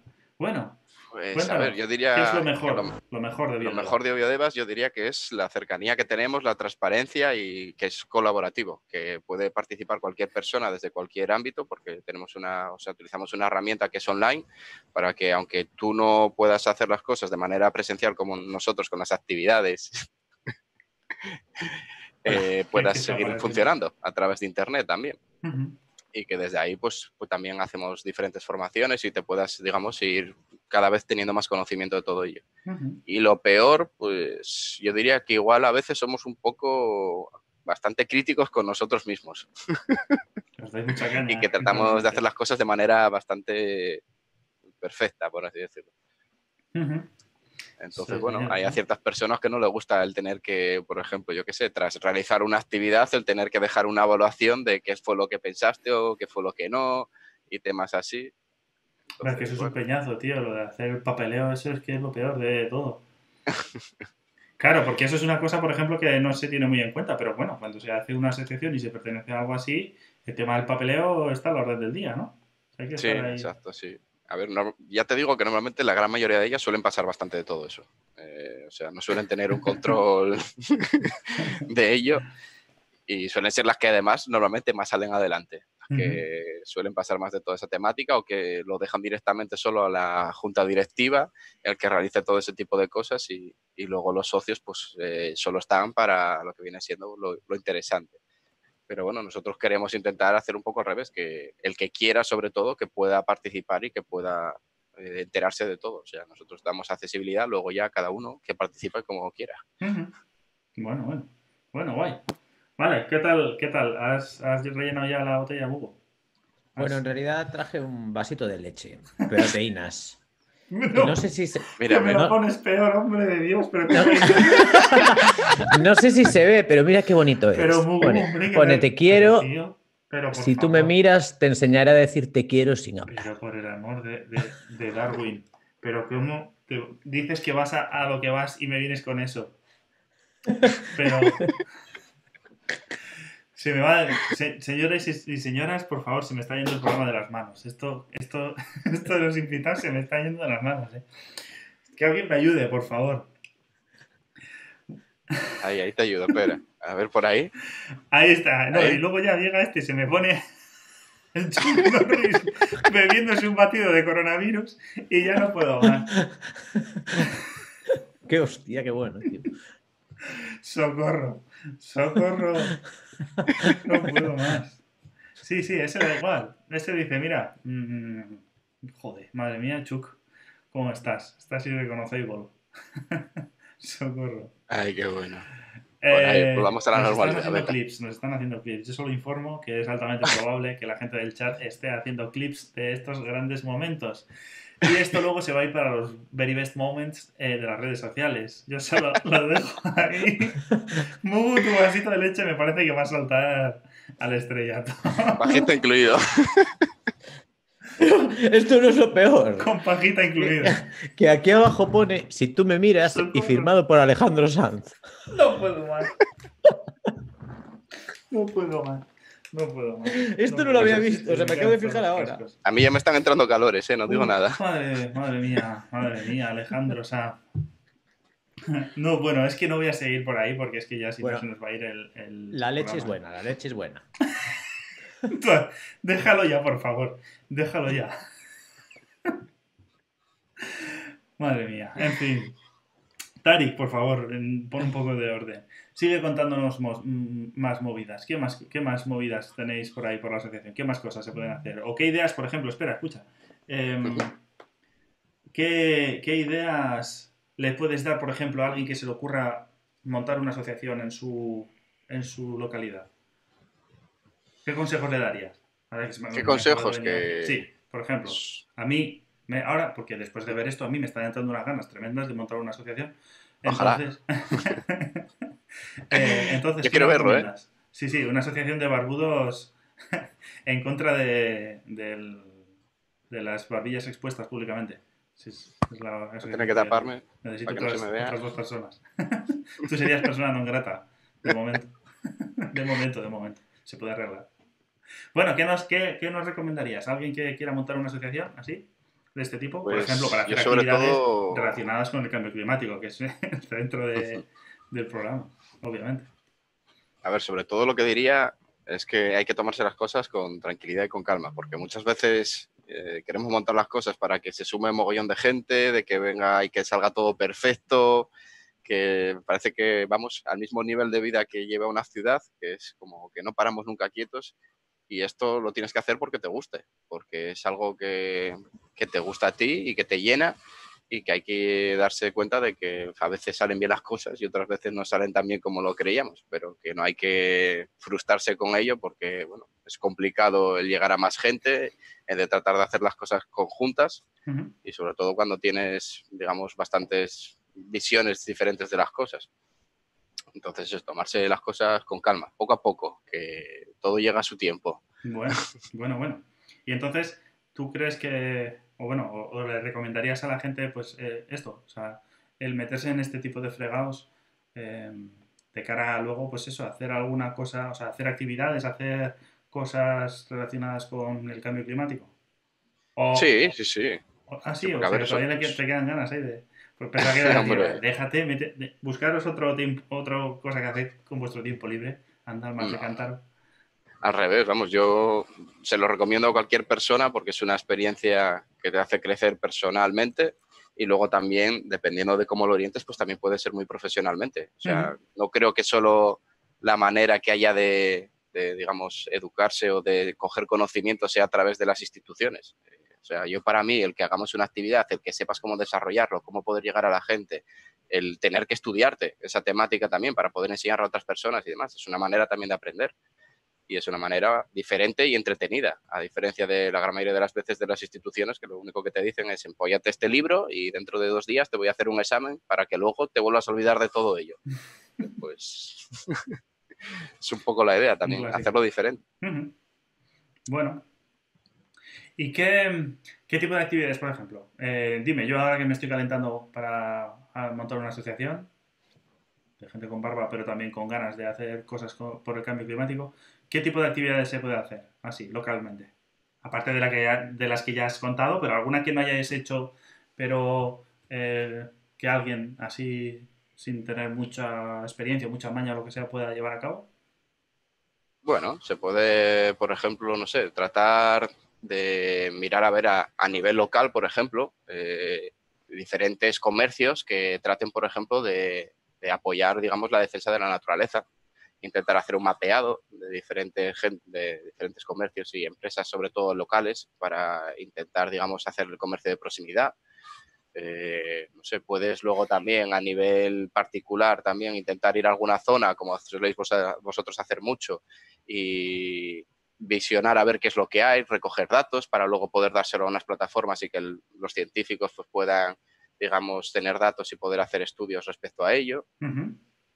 Eh, no sé, puedes hacer talleres de diferentes cosas, de reutilización de materiales, puedes hacer talleres, yo qué sé, de cajas nido, es que por haber hay mil actividades, puedes hacer una actividad con una asociación que sea setera, como lo que tengo yo ahí atrás del póster y que te enseñen qué es lo que puedes encontrarte por la naturaleza. ¿Qué son, perdona, ¿qué son casas nido? Cajas, nido haces una cajita con forma de nido y lo utilizan los pajaritos? ¿O qué, es? Sí, sí, muy buena pregunta. Me parece súper buena pregunta. ¿Se lo explicas tú o se lo explico no, yo? Tú, tú, tú, tú eres el, experto. Tú eres, eres el entrevistado. Yo de pájaros no tengo ni idea. No tengo ni la más remota idea de pájaros. No, hombre, no. Las cajas, las cajas nidos pues podrían ser más o menos, la idea va por ahí, precisamente, sí. Pero digamos que son como una especie de, cajas de madera que se suelen realizar con diferentes tamaños en los orificios de entrada para que las diferentes aves puedan, digamos, eh, criar ahí dentro y a favorecerles a que cada vez pues haya más una especie de ave, por ejemplo, si está crítica o simplemente muchas veces por intentar ayudarlas porque en ciertas zonas pues se ha arrasado con su hábitat de forma natural, de forma natural, sí, al revés, de forma artificial, que se han arrasado su hábitat natural. Vamos, que se les facilita un poquito que hagan sus nidos, ¿no? o sea, que, puedan tener una zona para, para criar a sus crías, valga la redundancia. Eso y, y luego muchas veces también pues, lo utiliza mucha gente para luego hacer del tema de, también de recopilación de datos, porque quieras que no, pues es una manera también de tener más accesible y más, más de manera más sencilla dónde están y entonces así los científicos pues también hacen diferentes estudios con ello. Qué interesante. Perfecto. Qué guay. Te pregunto a Joanes, eh, ¿alguna actividad en contra de la avispa asiática? Sí, sí que hay bastantes. Eh, a ver, aquí por ejemplo en Asturias hay una plataforma específica que se dedica a eso y me imagino que habrá más zonas que también, porque sé que esto está ya, digamos, no se lleva a nivel solo regional o local, sino que ya están intentando hacerlo en toda la parte norte sobre todo, que es la que está siendo ahora más afectada. Pero luego sobre todo es el tema de, concienciación. Lo que están haciendo es hacer realizar diferentes charlas enseñando pues un poco la problemática que con la avispa asiática y luego enseñan a crear sobre todo eh, las, las, formas de trampearlas, eh, digamos, que hacen como con reutilización de materiales, con una botella de Coca-Cola, mismamente de estas de dos litros, Coca-Cola, bueno, cualquier otra marca también me vale. Refresco gaseoso carbonatado. Exacto. Y entonces, bueno, intentar eso, capturar sobre todo a las, a las reinas, que es lo interesante, intentar hacerlas que sean selectivas para que no se carguen al resto de los bichos, que también es muy importante y luego sobre todo tenerlas localizadas y mapearlas porque al final lo interesante también es ver en el conjunto de toda la región el número de trampas que hay, lo efectivas que han sido y demás. O sea, que nosotros lo hagamos a nuestra bola y que luego no demos los datos, pues de poco sirve realmente, porque bueno, al final esto es algo que es global, no es algo que me afecte solo a mí. Yo por mucho que quite lo mío, si el de al lado no lo ha quitado, al año siguiente me va a venir lo de al lado. Entonces es trabajo en bar te pregunto, Paula, ¿qué tipo de asociaciones crees que hacen falta? Qué buena pregunta. ¿Qué tipo de asociaciones creo que haga falta? de todo tipo. Realmente. O sea, no, creo que haya, haga falta más una u otra. Creo que todas son importantes. Eh, nosotros, por ejemplo, nos dedicamos más a la educación ambiental dentro del ámbito de medio ambiente. Hay otras que son más de ámbito, digamos, de denuncia. Hay otras que son más de ámbito de herramienta de formación. Entonces, eh, todas son complementarias e igual de importantes, yo creo. No, es que haga más falta una u otra. Bueno, bueno. Ahí te lo agradecen. Gracias por, por tu disertación sobre la avispa asiática. bueno, ¿qué más? ¿Qué os contáis por aquí? Em, ¿En qué plataformas podemos subir nuestros informes o datos? Hay plataformas, claro, es que esto nos lleva a hablar de la ciencia ciudadana, ¿no? Que es una de las Sí. cosas que tú hablabas. Que las personas de a pie, sin llegar a ser investigadores de ningún eh, laboratorio especial ni nada, pueden recopilar algunos datos, obviamente no te vas a poner ahí a hacer ahí una tesis doctoral, pero algunos datos que son como sencillitos de tomar, eh, se pueden recopilar, se pueden tomar en muchísimos, o sea, mucha gente puede participar desde su casa, con lo cual se pueden tomar un mogollón de datos simultáneamente y luego eso sí que se puede mandar a alguien, a un investigador o a un equipo de, de gente que haga este tipo de cosas para que procese esos datos. Entonces, ¿hay alguna, ¿hay alguna plataforma así especial de ese tipo? Yo, por ejemplo, conozco la de observado.es, Ujú. que por ejemplo esa es a nivel, creo que ya está internacional, ¿no? Sí, Ahora sí, mismo, sí. si no me equivoco. Luego también, por ejemplo, para las aves en específico tienes la de Birth eh, y conocía otra que no me acuerdo ahora cómo se llamaba, que también era de, de todo, además, no solo era de cosas de... Hay Naturalist que lo han puesto por ahí. Y Naturalist. O sea, hay unas cuantas, Sí. no solo hay una. Eh, Entonces, y sobre todo eso, bueno, hay algunas que son más específicas, pero hay otras que además te dejan poner de todo. O sea, hasta, por ejemplo, el tema de, de la geología, hay otras que te dejan poner el tema también de, de rastros, de huellas, o sea, hay de todo, realmente. Para recopilar todo tipo de datos. Pues mira, también, eso está guay.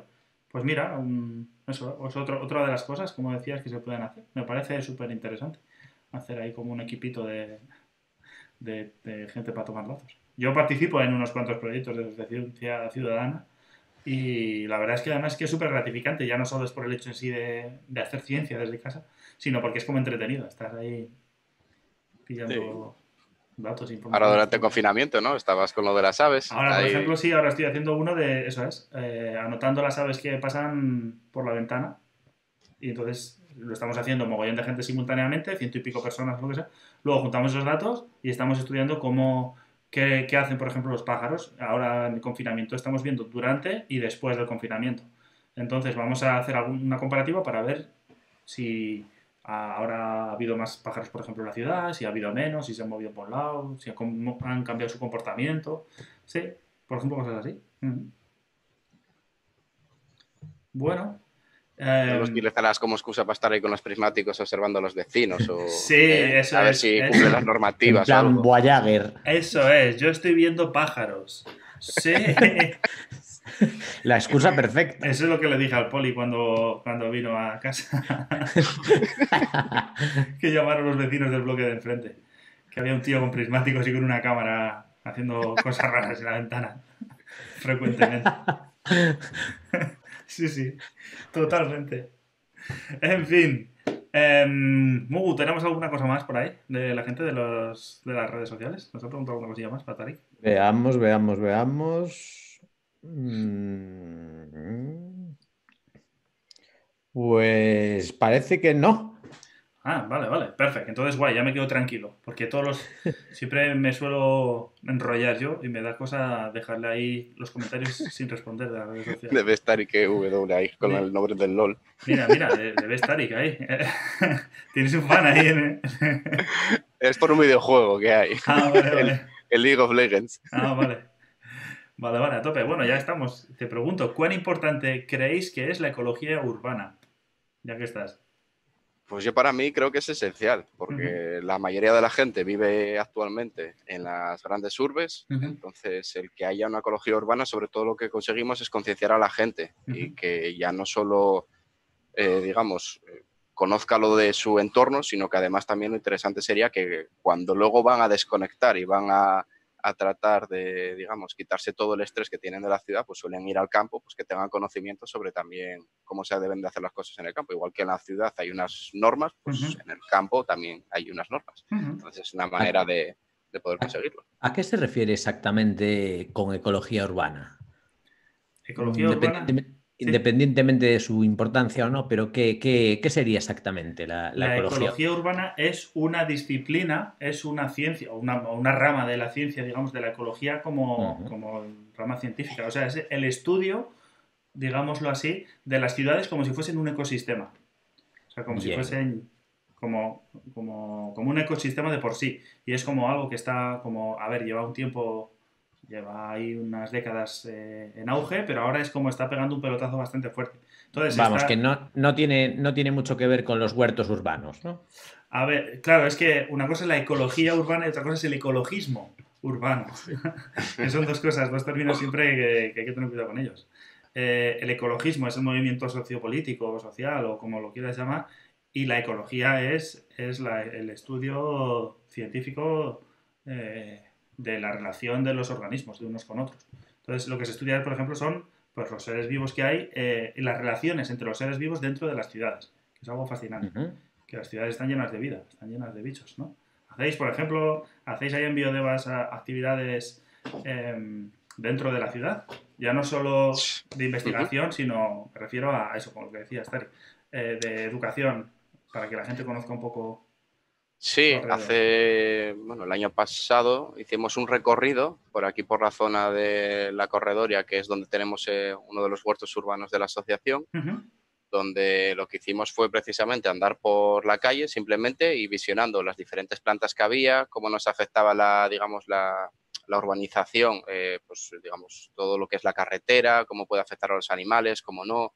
Eh, luego también veíamos, pues, por ejemplo, el sistema hídrico que teníamos, si por aquí puede haber una, digamos, un... eh, ¿Cómo se dice? Eh, eh, se me van las palabras. Si puede haber, digamos, eh, joder, cuando llueve mucho, que se me fue, se me fue. Agua. Sí, agua, ya está. sin más. bueno, que hubiera acumulaciones de agua indebidas en ciertas zonas y demás. Y, y luego también de cómo nos afecta, pues, por ejemplo, la contaminación lumínica. Digamos que ir interpretando un poco de, en general, todo lo que íbamos viendo eh, de la naturaleza dentro de la propia ciudad. Guay. Mola, qué interesante. Eh, Acabando dentro del huerto luego urbano también, haciéndoles ver, oye, lo que es también un huerto urbano. Claro, porque eso, claro, es una de las cosas a tener muy en cuenta, que la gente, eh, aunque no vaya muy con ello, yo qué sé, o sea, lo de tener huerto urbano no a todo el mundo le tiene que, por qué gustar, ni, ni el saber los pájaros que hay por ahí en el parque de al lado de su casa tampoco es algo que es que sea, yo qué sé, que, que sea agradable para todo el mundo. Pero el hecho de que la gente esté como más concienciada con todas esas cosas hace como que luego, de cara, por ejemplo, a, entender problemáticas como la del cambio climático, sea como más sencillo, podemos decir, o más, más fácil que la gente entienda, por ejemplo, este tipo de, de problemas, Tari. Sí, claro, al final esto es lo de siempre. Cuanto más conocimiento tenemos de algo, eh, más tendemos a protegernos y a proteger las cosas. Eh, cuanto más desconocimiento, pues al final más pasamos de todo ello. Entonces, el que tú veas lo que cuesta, por ejemplo, el conseguir ciertos alimentos o, o lo que hay que destrozar por ahí para poder llegar a tener ciertas cosas, pues entonces la gente se plantea las cosas de otra manera también. Muchas veces yo creo que la gran mayoría de la gente de la ciudad es pues, por falta de conocimiento muchas de las cosas. No lo hacen a mal realmente, sino porque no tienen información adecuada de, de lo que está pasando. Me, están- me, me- me ha pegado un tirón de orejas, Joanes, porque dice, perdona, pero lo de los pájaros es flipante. Como si yo, como si a mí los pájaros no me gustaran casi nada.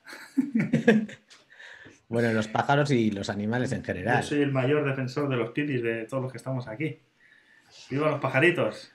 Pero entiendo, o sea, quiero decir, yo lo que, lo que me parecen fascinantes y me parecen súper importantes y imprescindibles. Pero eh, quiero, quiero decir que entiendo que haya gente a, a la que no le haga falta mm, conocer todas las especies de aves que hay en su ciudad para vivir, que no es totalmente imprescindible. Pero el hecho de conocer más un poco eh, su alrededor o un poco lo- su entorno le hace como más sensible luego a otro tipo de problemáticas mucho más gordas como son el cambio climático o alguna otra. Sí, aquí, por ejemplo, un caso bastante claro que se vio con eso es el tema de las salamandras, Ujú. Que desde que uno de los biólogos de aquí de la zona que les dio a conocer a través de, digamos, una especie de documental que lo llamó Los Dragones de Oviedo, Estuvo aquí, David Álvarez vino en uno de los programas a, ver- a hablar de, de biodiversidad y cambio climático, sí, sí.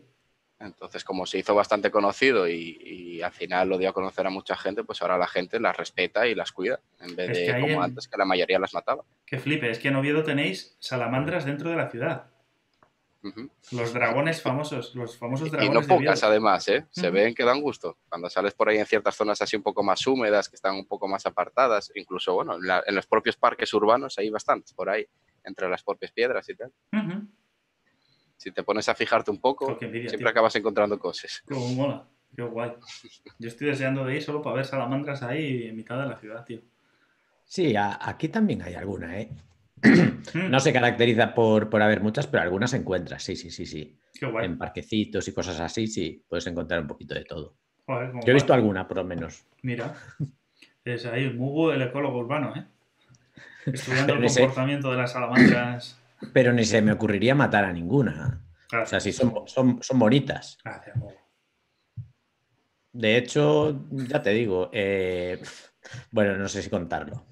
Sí, ahora, sa- sabes que has dicho las Ahora palabras lo mágicas. cuentas. Has dicho las Eh, palabras mágicas. te, parece, te parecerá una casualidad, pero, pero justo hoy mm, cogí una araña del techo de una habitación de mi casa Ay, con, una, eso.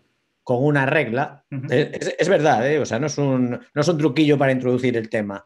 Eh, me vino hasta la cabeza y dije, ¿cómo hago para quitar esta araña de aquí sin matarla? Y bueno, no hice como tú porque no era de este tamaño, pero cogí una regla. Porque estaba en el techo, estaba muy alta, no llegaba, se, se unió a la regla y lo único que hice fue abrir la ventana, extender la regla y ya fue la arañita por la ventana, por, el, Qué bonito. por fuera. Y se salvó, Ahí. pero era enana, era minúscula. ¿eh? Salvando vidas ahí. Ahí a tope. Pero bueno, tampoco había que matarla. Y me viniste tú, es que ju- fue justo hoy por la mañana, también fue casualidad, tío. y justo voy yo y le digo a Mugu, eh, ch, que estoy por aquí. Que te estoy... I'm watching you. Bueno, cuenta eso. Ahora que dices tú de arañas, eh, cuenta la anécdota que nos han dicho al principio de todo. Solo nos ha costado dos horas contarla. Cuenta la anécdota eh, que, de la que se acuerda la gente ahí en las redes sociales. Es de lo que, que, a nos ver, pasó eh, con la araña aquella. Pues a ver, os cuento la historia. Estábamos unos cuantos de escenio, estábamos en Ginebra, ¿no? En, en nuestras casas y tal y cual, no sé qué. En concreto estábamos en una de las dos casas. Y Para creo que, que, luego están- digan, perdona que te corté, pero para que luego digan que los divulgadores no ganan dinero. ¿eh? En nuestras Ya, casas ya. en Ginebra, ahí en Suiza. De nada, ¿eh? Sí, hacinados, pero bueno.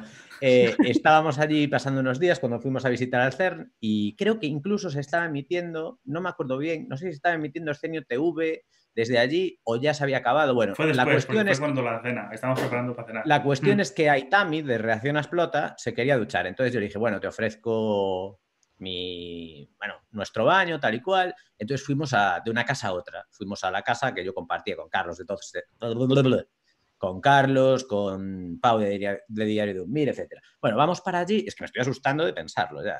Vamos para allí, para la casa, y Aitami nada. Entra en el baño para ducharse y de repente se oye. Yo, yo, ¿qué pasa? ¿Qué pasa aquí? Dios mío, ¿qué le pasó a Itami? Tal. Entro en el baño y veo a Itami semidesnudo, todo asustado, señalando ahí a, a una pared. Bueno, pues una tremenda araña, pero no os exagero, ¿eh? Era, era una salvajada. Entonces, claro, ¿cuál fue la, la reacción inmediata? ¿Quién sabe aquí de animalitos? ¿A quién llamamos? ¿Quién, ¿Quién nos salva de este monstruo? Porque ¿qué hacemos con él? Tampoco nos lo vamos a cargar ahí a lo bestia. Y entonces, nada, decidimos llamar a Alberto, que estaba en la casa de al lado, a este Alberto Barbudo, Al, co- al cocodrilo Dandy. y, y lo re- requerimos sus servicios y dice, pero tengo que ir, en serio, pero tengo que ir. Sí, por favor, Alberto, vente, vente, Alberto, por favor, vente. En Y mi nada. defensa diré que no pregunté. Que cuando Mugu, ya o sea, cuando me dijo tenemos una ra, en la ra, yo ya estaba en su casa tirado, o sea, muy escopeteado. Y nada, porque claro, ahí también no se quería duchar con la araña esa, ahí en el baño. Entonces vino Alberto y, y una- con una técnica maravillosa que además aprovechamos y la subimos a mis stories de Instagram. Sí, hay gente que está recordando la anécdota. Ahí Paula lo dice. Creo que era con un folio y un vasito. Ujú. o metió así el folio para que la araña tal, vasito pack y nada. Ya luego ya. No sé qué hizo con ella ahora. La, no sé llevé a un, a un sitio seguro para ella y para el resto de la gente. La, la llevé a un sitio Bien. apartado y donde no molestaba para nada y la libré por allí. Pero vamos, que, que ahí también se pudo duchar, gracias a Alberto. La araña no murió y aprendimos mucho. Una historia muy feliz. Gracias, gracias, gracias, gracias. Happy ending. Gracias, gracias. Eh, que dice eh, José Ramón que zapato sin compasión. Eh, tampoco hay que pasarse que el pobre Itami solo quería ducharse y no era para ponerse así, tampoco con él. Pobre hombre. A ver, era muy grande la araña, ¿eh? Yo me habría duchado igual porque estaba lejos de la ducha. Pero, pero no había manera, también no, no podía, ¿eh? Eh, a hidratarse. Que ahora sí que lo dice el chat. A hidratarse todo el mundo. Ah, quiere lanzar a la araña, dices. Que no me enteré yo, ¿eh? Me cacho y la mar. Zapatilla hay que darle a, a- vamos, a cualquiera menos a las arañas, que son las que menos culpa tienen de absolutamente nada. Que las arañas se los comen los mosquitos, que, que nos dan por sacos en, Pues sí, en sí. casa.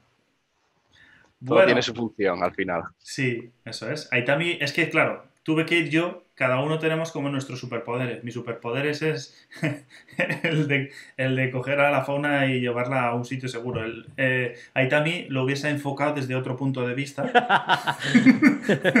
no había material químico para, para hacer un.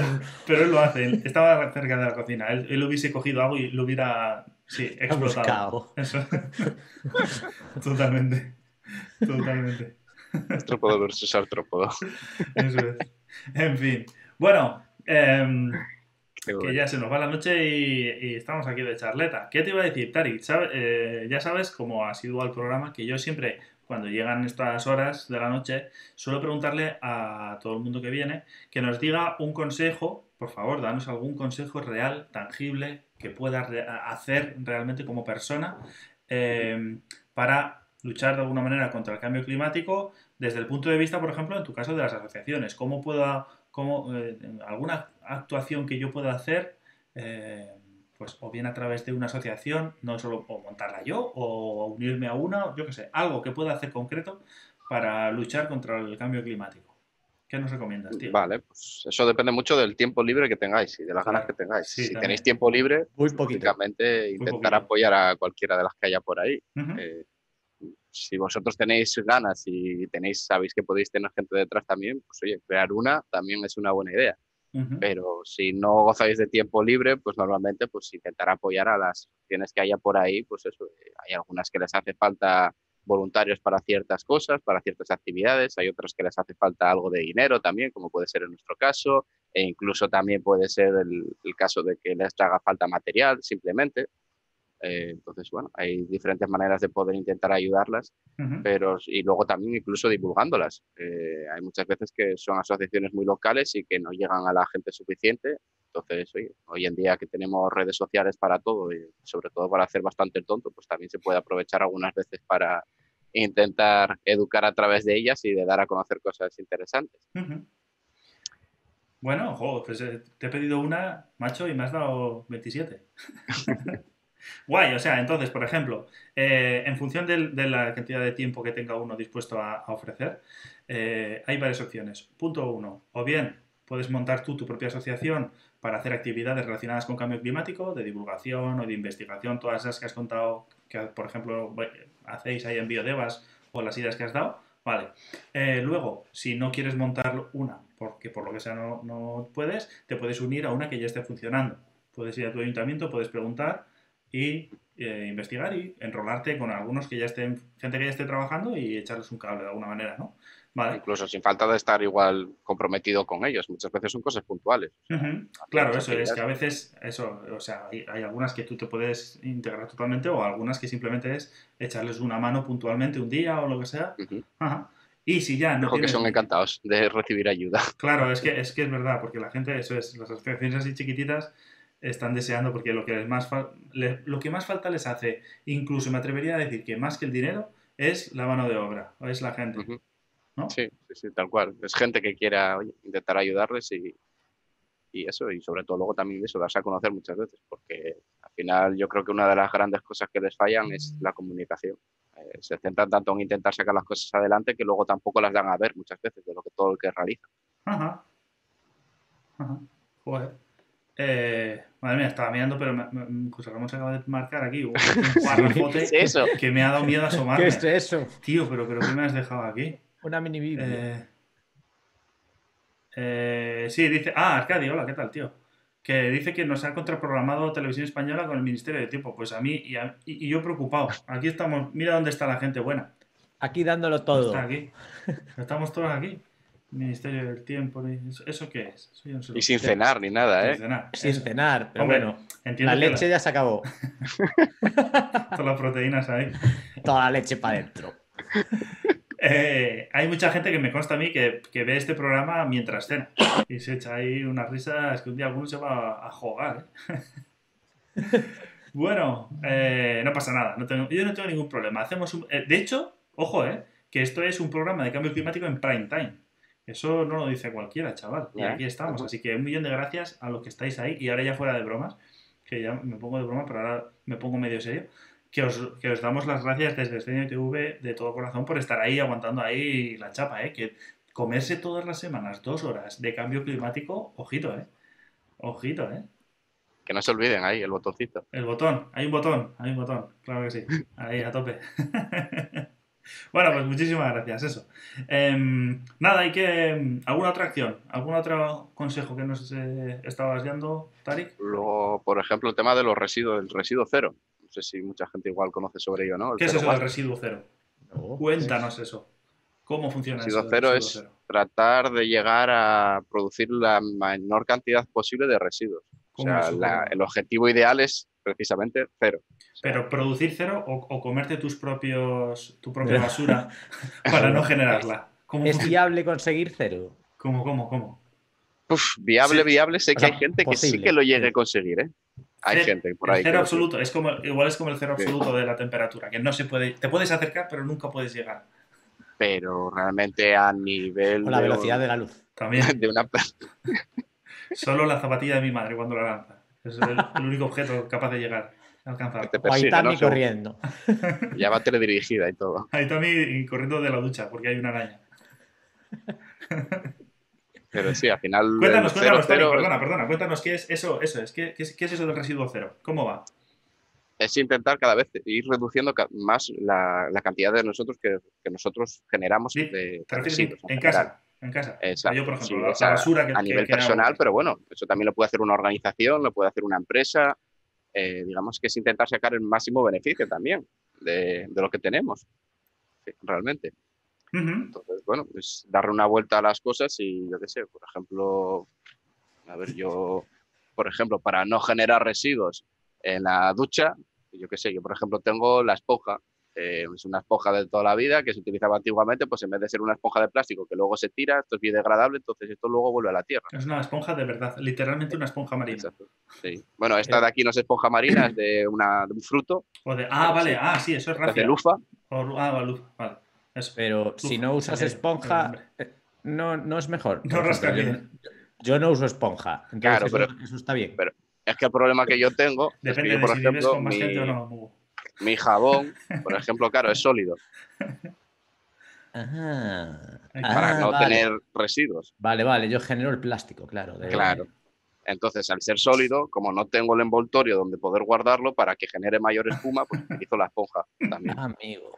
Ojo, nos está, ojo, ojo, que nos Eh, están escribiendo. Me gusta, me gusta, pues me mola. Me están, eh, disculpadme, me están avisando por el pinganillo del, de Science Extravaganza que cuidado con lo de compartir eh, esponja con otras personas, Sí, porque si sí. no podemos formar parte de la sección de Hospital Genital del programa de los lunes. Eh, Sí, Hay microorganismos. Eso es, Eso es uno individual para cada uno. Sí, sí. eso es, eso es. ahí. bueno, Y no sé. ajá. em, Al final hay muchas cosas que puedes ir cambiando en el día a día. Antes, por ejemplo, siempre teníamos el, el mítico bidet, ¿no? Donde se lavan los pies, por así decirlo, Sí. normalmente. Pues para lavarse el culo, la gran mayoría de la gente a día de hoy sigue utilizando papel higiénico. Antes se utilizaba el bidet, que era para lavarse el culo con agua. Pues, Hay váteres, hay, hay váteres que tienen para lavarse el culo, ¿no? Por ejemplo, en Japón. Puede ser, Sí, que sí, me suene. sí, con chorritos y luces y los he visto aquí, ¿eh? En, en Portugal he visto yo incluso, o sea, no digo que incluso en España seguramente haya, no lo he visto, pero yo en Portugal, por ejemplo, en algún sitio sí que lo he visto, ¿eh? O sea, que no está tan lejos. El chorrillo... eh, sí, sí, sí, sí. sí. Ay, qué Tiene que ser gustirrinín. una experiencia interesante. De verdad que sí. Pero sí, digamos que al final hay mil formas de intentar, yo qué sé, incluso muchas cosas que utilizamos en el Claro. día a día que se pueden, que nosotros llegamos a tirar, luego le puedes volver a dar otra vuelta y sobre todo eso mucho los artistas eso lo realizan, el reutilizar los materiales, en vez de tirarlo, Ujú. pues lo vuelves a reutilizar de otra forma, incluso le vuelves a revalorizar el- el- lo que era el objeto en sí, muchas veces. Ujú. Mira, es Eso es que un poco lo que hacemos en la tienda de segunda mano. ujú, darle una segunda vida a las cosas. El- eh, antes que el reciclar está el, el reutilizar las cosas, ¿no? Claro. Digamos que las R's están cambiadas, eso de las tres R's de, reutilizar, no, no. Primero sería reducir, reutilizar, reciclar. Pero bueno, eso es por intereses, ¿no? Ya lo sabemos todos bien, yo creo. Ay, amigo. La, la, la, la. Algún- en algún programa hablaremos de ese asunto. Bueno, dice Arcadi que se ha vuelto al bidet desde la crisis del papel higiénico. Mm, claro, se está volviendo mucho a ese tema. Eh, sobre todo desde la- el ataque de histeria colectiva con el evento del papel higiénico. Ya, saldrán los libros de historia dentro de unos años. Eso fue criminal, ¿eh? Entre eso y bueno, y la harina para la gente para hacer pan. Y ahora la harina, que luego se le ha ido la olla. Sí, sí. sí, Sí, sí. sí, va por modas. El vacío, el vacío que dejó el papel higiénico lo llenó luego la harina en los corazones de la gente, totalmente. Totalmente. Eso, eso creo que habían sacado una noticia de, de los diferentes países precisamente de eso, de la importancia que le daban a ciertos productos con esto del coronavirus, de lo que se había agotado primero. Sea que son cosas así interesantes también a tener en cuenta. Sí, sí. ¿Qué es lo que le damos sí. importancia de verdad cuando llega la decatombe? Es verdad. Es verdad. Eso es interesante. O sea, que sí, sí, es un experimento bastante interesante el que está sucediendo a, a nivel planetario ahora mismo. Totalmente. Totalmente. Bueno, eh, vale, entonces, ah, eso, que lo del zero waste, entonces, como quiero decir, eso es algo simplemente como una especie de, de hobby que, está, que tiene gente así, rollo, como los ecologetas esos que dice, como vosotros, o es algo que se puede implementar en todas las casas. ¿Todo el mundo tiene que no generar residuos? ¿Cómo funciona? ¿O cómo, esto como va? que me A estoy ver. liando, que me estoy liando. La idea, esto lo están llevando a cabo ya hasta administraciones también, o sea, es un movimiento que ya es a nivel mundial, Ujú. no es algo que sea de una persona particular o solo de, de los ecologistas, sino que es un movimiento que ya, digamos, ya está implantado en diferentes ciudades, en diferentes países, incluso creo que ya hay alguno que ya lo ha implantado en general, y donde ya está todo un poco esquematizado de cómo se pueden llegar a realizar las cosas, como por ejemplo el retorno de los envases, eh, temas así. Por ejemplo, en vez de utilizar el plástico, pues utilizar el vidrio que se puede volver a lavar o que tiene, digamos, utilidades infinitas de volver a reutilizarse. Entonces, no solo es a nivel personal, sino que luego a nivel global también se puede, digamos, eh, beneficiar toda la sociedad en general. Pero, claro, pero a ver, entonces, a ver, pero eso yo no le veo sentido, Tarik. A ver, ¿a- ¿qué más dará? La, si, ¿Qué tendrá que ver la basura, los residuos con el cambio climático? Porque a mí esto no me está encajando. ¿Qué relación tiene esto? ¿Qué más da Eso es. que yo tire menos la basura? Si yo la tiro ahí la- y, la- y se va a un agujero ahí que se pierde, ¿qué más me da? Si luego no da vuelta ni nada. Hombre, pues lo primero que normalmente nosotros estamos consumiendo bastante más de lo que deberíamos. Entonces, claro, si nosotros aprovechamos eso que era basura para volver a reutilizarlo, eh, son más materias primas que vamos a tener para, para, digamos, quitar un poco ese consumo tan grande que tenemos. Y luego, aparte también, pues todo lo que es la basura en general está ocupando diferentes espacios en la propia naturaleza que muchas veces están siendo contraproducentes incluso cuando ya los amontonamos, pues generan una cierta cantidad de gases que también son, digamos, críticos para, en este caso, para el cambio climático. O sea que hay como demasiado derroche de, de energía en los procesos en los de fabricación, de transporte, lo que sea, y luego de los propios materiales en sí, ¿no? Eso es, sí. Muchas veces ahora, por ejemplo, todas las minas que se están haciendo en África y todo eso para materiales electrónicos y no sé cuánto, eh, ya se está viendo ahora que sale mucho más rentable el tratar de volver a reutilizar materiales que ya se han desechado, intentar sacar la materia prima de esos materiales que no sacarlos de allí, por ejemplo. Ujú. El famoso coltán, que está en los aparatos electrónicos, que tanta... mm, Eso, por ejemplo, se ve muy bien aquí en España en Ujú. general con, con las latas de aluminio. Las latas de aluminio de cerveza y todo eso. eh, aquí en España se recicla, digamos, envases. Eh, ¿Por qué se recicla la lata de aluminio si no es un envase plástico?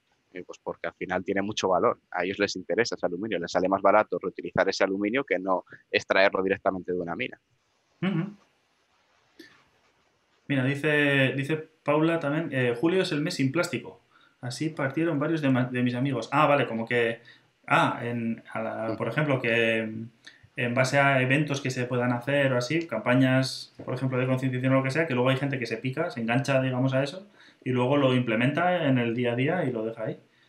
Sí, eso. Hay una bonita actividad que se realizó ya a nivel mundial en su día. Me acuerdo que era como la guerra contra el plástico, que ahora está muy de moda lo de ir contra el plástico, que era precisamente tú ibas al supermercado, comprabas y todo lo que venía envuelto de plástico, pues se lo devolvías en plástico. Ah, Yo estoy comprando, pero es que yo no quiero ese plástico. Entonces se lo devolvías a la propia, ahí en el propio supermercado y es que además ellos se tienen que hacer cargo de eso, Ah, porque es su responsabilidad el devolver el plástico a donde debe de estar. Interesante. Joder. Ostras, imagínate, claro, si, si lo hacen unos pocos todavía, pero si lo hace ahí toda la peña, es que eh, se puede montar ahí una gorda. Madre mía. Sí. Bueno, Hay diferentes movimientos por ahí bastante interesantes. sí. Bueno, están ya pensando ahí en el chat de, de mandar la basura por ahí a tomar por saco fuera del planeta ya. Ahora estaban sacando que iban a, a- a la NASA o no sé quién, uno de estos tal, que iban a sacar un robot suicida que lo que se iba a encargar era precisamente de limpiar la basura espacial. Buah, esa es otra, ¿eh? Que nos preocupamos de la que tenemos aquí y alguna vez he visto imágenes o recreaciones de lo que hay ahí arriba orbitando alrededor de la Tierra y, es- y- y también dices, pero, pero, pero, pero, ¿qué está pasando aquí? Está absolutamente lleno de, de chatarra espacial, de, de fragmentos, de... Sí, sí, es una, es una locura, es una idea de olla tremenda. Tremenda, tremenda. En Tenemos fin. bastante con lo nuestro que ya Claro. miramos para lo de arriba. Claro, claro. Tú preocupado de limpiar la playa y resulta que está ahí to- literalmente todo alrededor de todo el planeta lleno de miércoles, de Bruselas. Joder. Bueno, eh, mira, mira, un compañero de clase está trabajando en el láser que quieren poner en Tenerife para reventar la basura espacial. Mira, mira, mira, mira. A qué peña, un rayo láser como el de Austin Power, ¿eh? Total. O sea, la peña ya planteándose hacer láseres para reventar ahí en plan película de, de Star Wars o algo, ¿eh? Joder. Y la revientan y a dónde va. Claro, eso. ¿qué? La, Será un desintegrador o algo así, ¿no? Me imagino, no sé. Claro, no sé, ¿no? La transforman ahí en... Tipo ya Star Wars, aquí llevamos... ¿En qué? En átomos. Joder. Pero me... Qué pasada, qué pasada. Bueno, pues nada, que eh, interesante entonces es el movimiento Zero Waste. Que, bueno, casi casi Zero Waste. Es Sí, va un poco en relación con el movimiento circular y todo esto. Al final va todo un poco interrelacionado. Ujú. El no, el no derrochar de más, porque al final donde más, eso, o sea, donde más gasto hay de todo, de energía, de emisiones, de todo, es en el derroche innecesario de cosas. Que no es, Ujú. es la- al final siempre como acabo haciendo la misma reflexión todos los puñeteros programas, pero no porque yo quiera, sino porque la conversación lleva ahí, que es que al final, que no se trata de volver a las cavernas, sino que simplemente es como vivir exactamente igual que hasta ahora, pero sin derrochar y sin, y sin malgastar cosas, porque en en el proceso se... se Y aprender mucho a compartir, que se nos ha olvidado mucho también. Sí, eso lo llevamos un poco también regulín. Depende, más, De depende cosas, de los sí. sitios, en unos sitios más que en otros y en otros menos que en otros, pero... Lo que se pueda, claro. Están poniendo ahí, claro, una opción, por ejemplo, es poner a Crespo, a Real Crespo con la pistola de agua, esa, la del emote, a reventar ahí la basura espacial. Sí, por ejemplo, con la cara de serio que tiene, la basura espacial se va pirando, se va pitando de ahí. Pero ya. En fin. Eh, chavales, ha llegado el momento en el que yo hago así y os digo, ¿sabéis que llevamos dos horas aquí rajando sin parar? de cambio climático, del tema más espinoso que hay, bueno, el segundo, ahora, bueno, pero ahora, ahora que ya empezamos medio a salir y ya estamos en la nueva normalidad, casi casi, es uno de los temas más espinosos que hay del panorama actual. Llevamos dos horas rajando aquí, ¿eh? Como, como. ¿Qué os A ver, a parece? A ver qué es lo que es la normalidad. No sé yo si quiero volver a la normalidad, ¿eh? Ya, ¿eh? Eh, sí, eh, preparaos todos, eh, preparaos. Me ha sonado- la alarma de, de- de la despedida de Alberto. Nos quedan 15 largos minutos de despedida por delante. Id preparándoos que voy. Cabritos sois. Sois una panda de, de que, que no puedo decir tacos, que, que nos banean aquí el canal, las políticas de Twitch. Pero ya os, luego os dejo ahí un mensaje ahí en el chat que os vais a... Bueno, que en fin, que ha llegado la hora de la despedida. Voy a intentar ser breve, aunque no prometo conseguirlo. Un programa yo creo que me ha parecido súper interesante, como todos, pero este también. Eh, y si algo, eh, no sé, algo a remarcar de todo este programa es que cuando, o al menos así es como lo he visto yo, y por eso mi intención de hacerlo, es que cuando, cuando se habla de cambio climático, no, no solo hay que pensar en ciencia, o sea que mm, la ciencia no es lo único a tener en cuenta en el cambio climático, que hay otras muchas cosas y hay otros muchos factores a tener en cuenta, Mm, tan importantes como ella aunque por supuesto la ciencia tiene que estar en todos lados, pero hay otros factores, hay factores sociales, factores económicos, factores políticos y en este caso, por ejemplo, también sociales como, como el de las asociaciones, ¿no? O sea que, aunque no seáis científicos, científicos, aunque no hagáis investigación pura y dura del cambio climático, sí que estáis poniendo vuestro granito de arena desde vuestra asociación, ¿no, Tarik? Exacto, sí. Al final, oye, cada uno dentro del medio ambiente puede ayudar con ganas, es lo que digo yo. O sea, no hace falta realmente tener toda la información o ser un experto en ello, sino lo que tienes que poner es ganas en cada vez ir cogiendo más conocimiento sobre ello y pasión, sobre todo. Ya veis, nosotros éramos tres personas que no teníamos ningún conocimiento, digamos, formal sobre ello y a base de ir viendo charlas y conociendo gente y tal, pues al final acabas convirtiéndote en un experto también en parte. Y luego si eso se replica y se, y se escala y se va repitiendo en un montón de sitios, pues al final, granito a granito, como se suele decir, se va haciendo ahí montaña, ¿no? Bueno, guay. Pues muchísimas gracias, Tari, por habernos contado todas estas cosas sobre Biodeva, sobre vuestra asociación eh, en la que estáis haciendo actividades, pues eso, para, para educar a la gente, para enseñar qué es lo que está pasando, un montón de problemas ambientales, pero especialmente también con el cambio climático, porque es como uno de los más gordos que hay ahora mismo. Muchas gracias por habernos enseñado, pues eso, todas las cosas que hacéis. También gracias por hacer las cosas en sí. Y, y por la charleta tan interesante que nos hemos pegado, tío. Gracias a ti, a Ascenio, a Mugu, oye, por darnos la oportunidad también de estar aquí dándonos a conocer de lo que hacemos e intentando también que otra gente se anime a realizar este tipo de cosas. También, oye, es un poco la idea que esto se expanda y también por darme a mí un rato entretenido aquí, oye. Anda, que no nos lo pasamos bien ni nada aquí. Bueno, y Mugu, tú también ahí, ¿eh? Que mil gracias, tío, por haberte apuntado a este berenjenal, por haberte pasado al otro lado de la cámara ahora que está siempre behind de cámara. Sí, estuvo, estuvo muy guay. Además, he aprendido varias cosas, así que. Listo ya. Muy zero ways, ya. De aquí a. a tope. Ya. No quieras te doy más clases prácticas, ¿eh? tengo más cachivaches por ahí, no hay problema. es verdad, ¿esos cachivaches ya lo tenías preparado o fue de casualidad? No, es que hoy justo me llegó un pedido de todo ello. Ah. Tenía que renovar cosas. Joder, entre yo y la araña y eso. a tope, a tope. Bueno, pues mira. Ah, muy guay. Eso es, ya vas a aprender que eh, para el verano tienes que poner una caja nido ahí a lo de casa. ¿eh? bueno, pues genial. Nada, eso. Que eso, que muchísimas gracias por haberme echado una mano con la entrevista y por las preguntas que han hecho, que han sido súper interesantes también. Muy bien. Y ahora os toca a la peña que habéis estado ahí aguantando las dos horas de ladrillo de cambio climático. Un millón de gracias por haberlo visto por eh, no haberos ido a ver el Ministerio del Tiempo, que es muchísimo más aburrido que esto, yo no te va a parar. Y sobre todo también por vuestros comentarios, que está siempre el chat, que es un hervidero que no para de, pasar por ahí. Hay algún comentario que me lo como porque es que se sepulta entre tanta actividad. Así que mil millones de gracias. Me he dado cuenta, me he dado cuenta, estoy captando la indirecta. Aunque me esté eh, rajando, eh, me he dado cuenta de que hay un botón.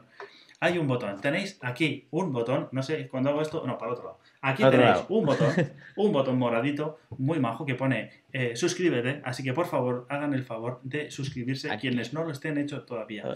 O bien os suscribís directamente o bien podéis asociar vuestra cuenta de Amazon Prime, que es completamente gratuito y nos podéis ayudar muchísimo porque nos hace mucha falta contratar a alguien que me, que me saque de los programas eh, cuando, cuando, me despido, porque si no me voy a pegar aquí dos horas. Entonces necesitamos contratar a alguien que me, que me una mano, que haga así y, y, me saque de cada programa, por favor. Así que por favor, suscribiros la máxima cantidad posible de gente. Hoy en directo se ha suscrito Mugu, o sea que ya, ya, mm, vamos, o sea, el resto a, seguir el ejemplo. Mil millones de gracias. Yo también quiero. Tope, ¿eh? Claro, si tú, Tarik se suscribió el programa pasado, en directo también. Ahí, ahí. o sea que, ahí, ahí, ahí, momento patrocinado ahí por... a tope. Bueno, que nada, que lo dicho, que compartáis esto por favor en las redes sociales. Ya, luego me da miedo asomarme, porque seguro que habéis subido algún clip con el vaso de leche o alguna movida de esas. Que eso me da miedo asomarme. O lo, del pipí. O lo del pipí. Así que ya te digo yo. Que nos vemos el próximo martes aquí hablar de, hablando de cambio climático. Mañana tenéis a los crespos ahí a tope. Y nada, un millón de gracias por, por esto. Nos vemos en Escenio TV. Eh, que ya estamos, que en Escenio TV ya tenemos programas de lunes a viernes. O sea, el, eh, vamos, un, absoluto hito. Yo lo flipo, cada vez que lo digo lo, flipo en pepinillos, tío. O sea, tener programas de divulgación científica todos los días de entre semana.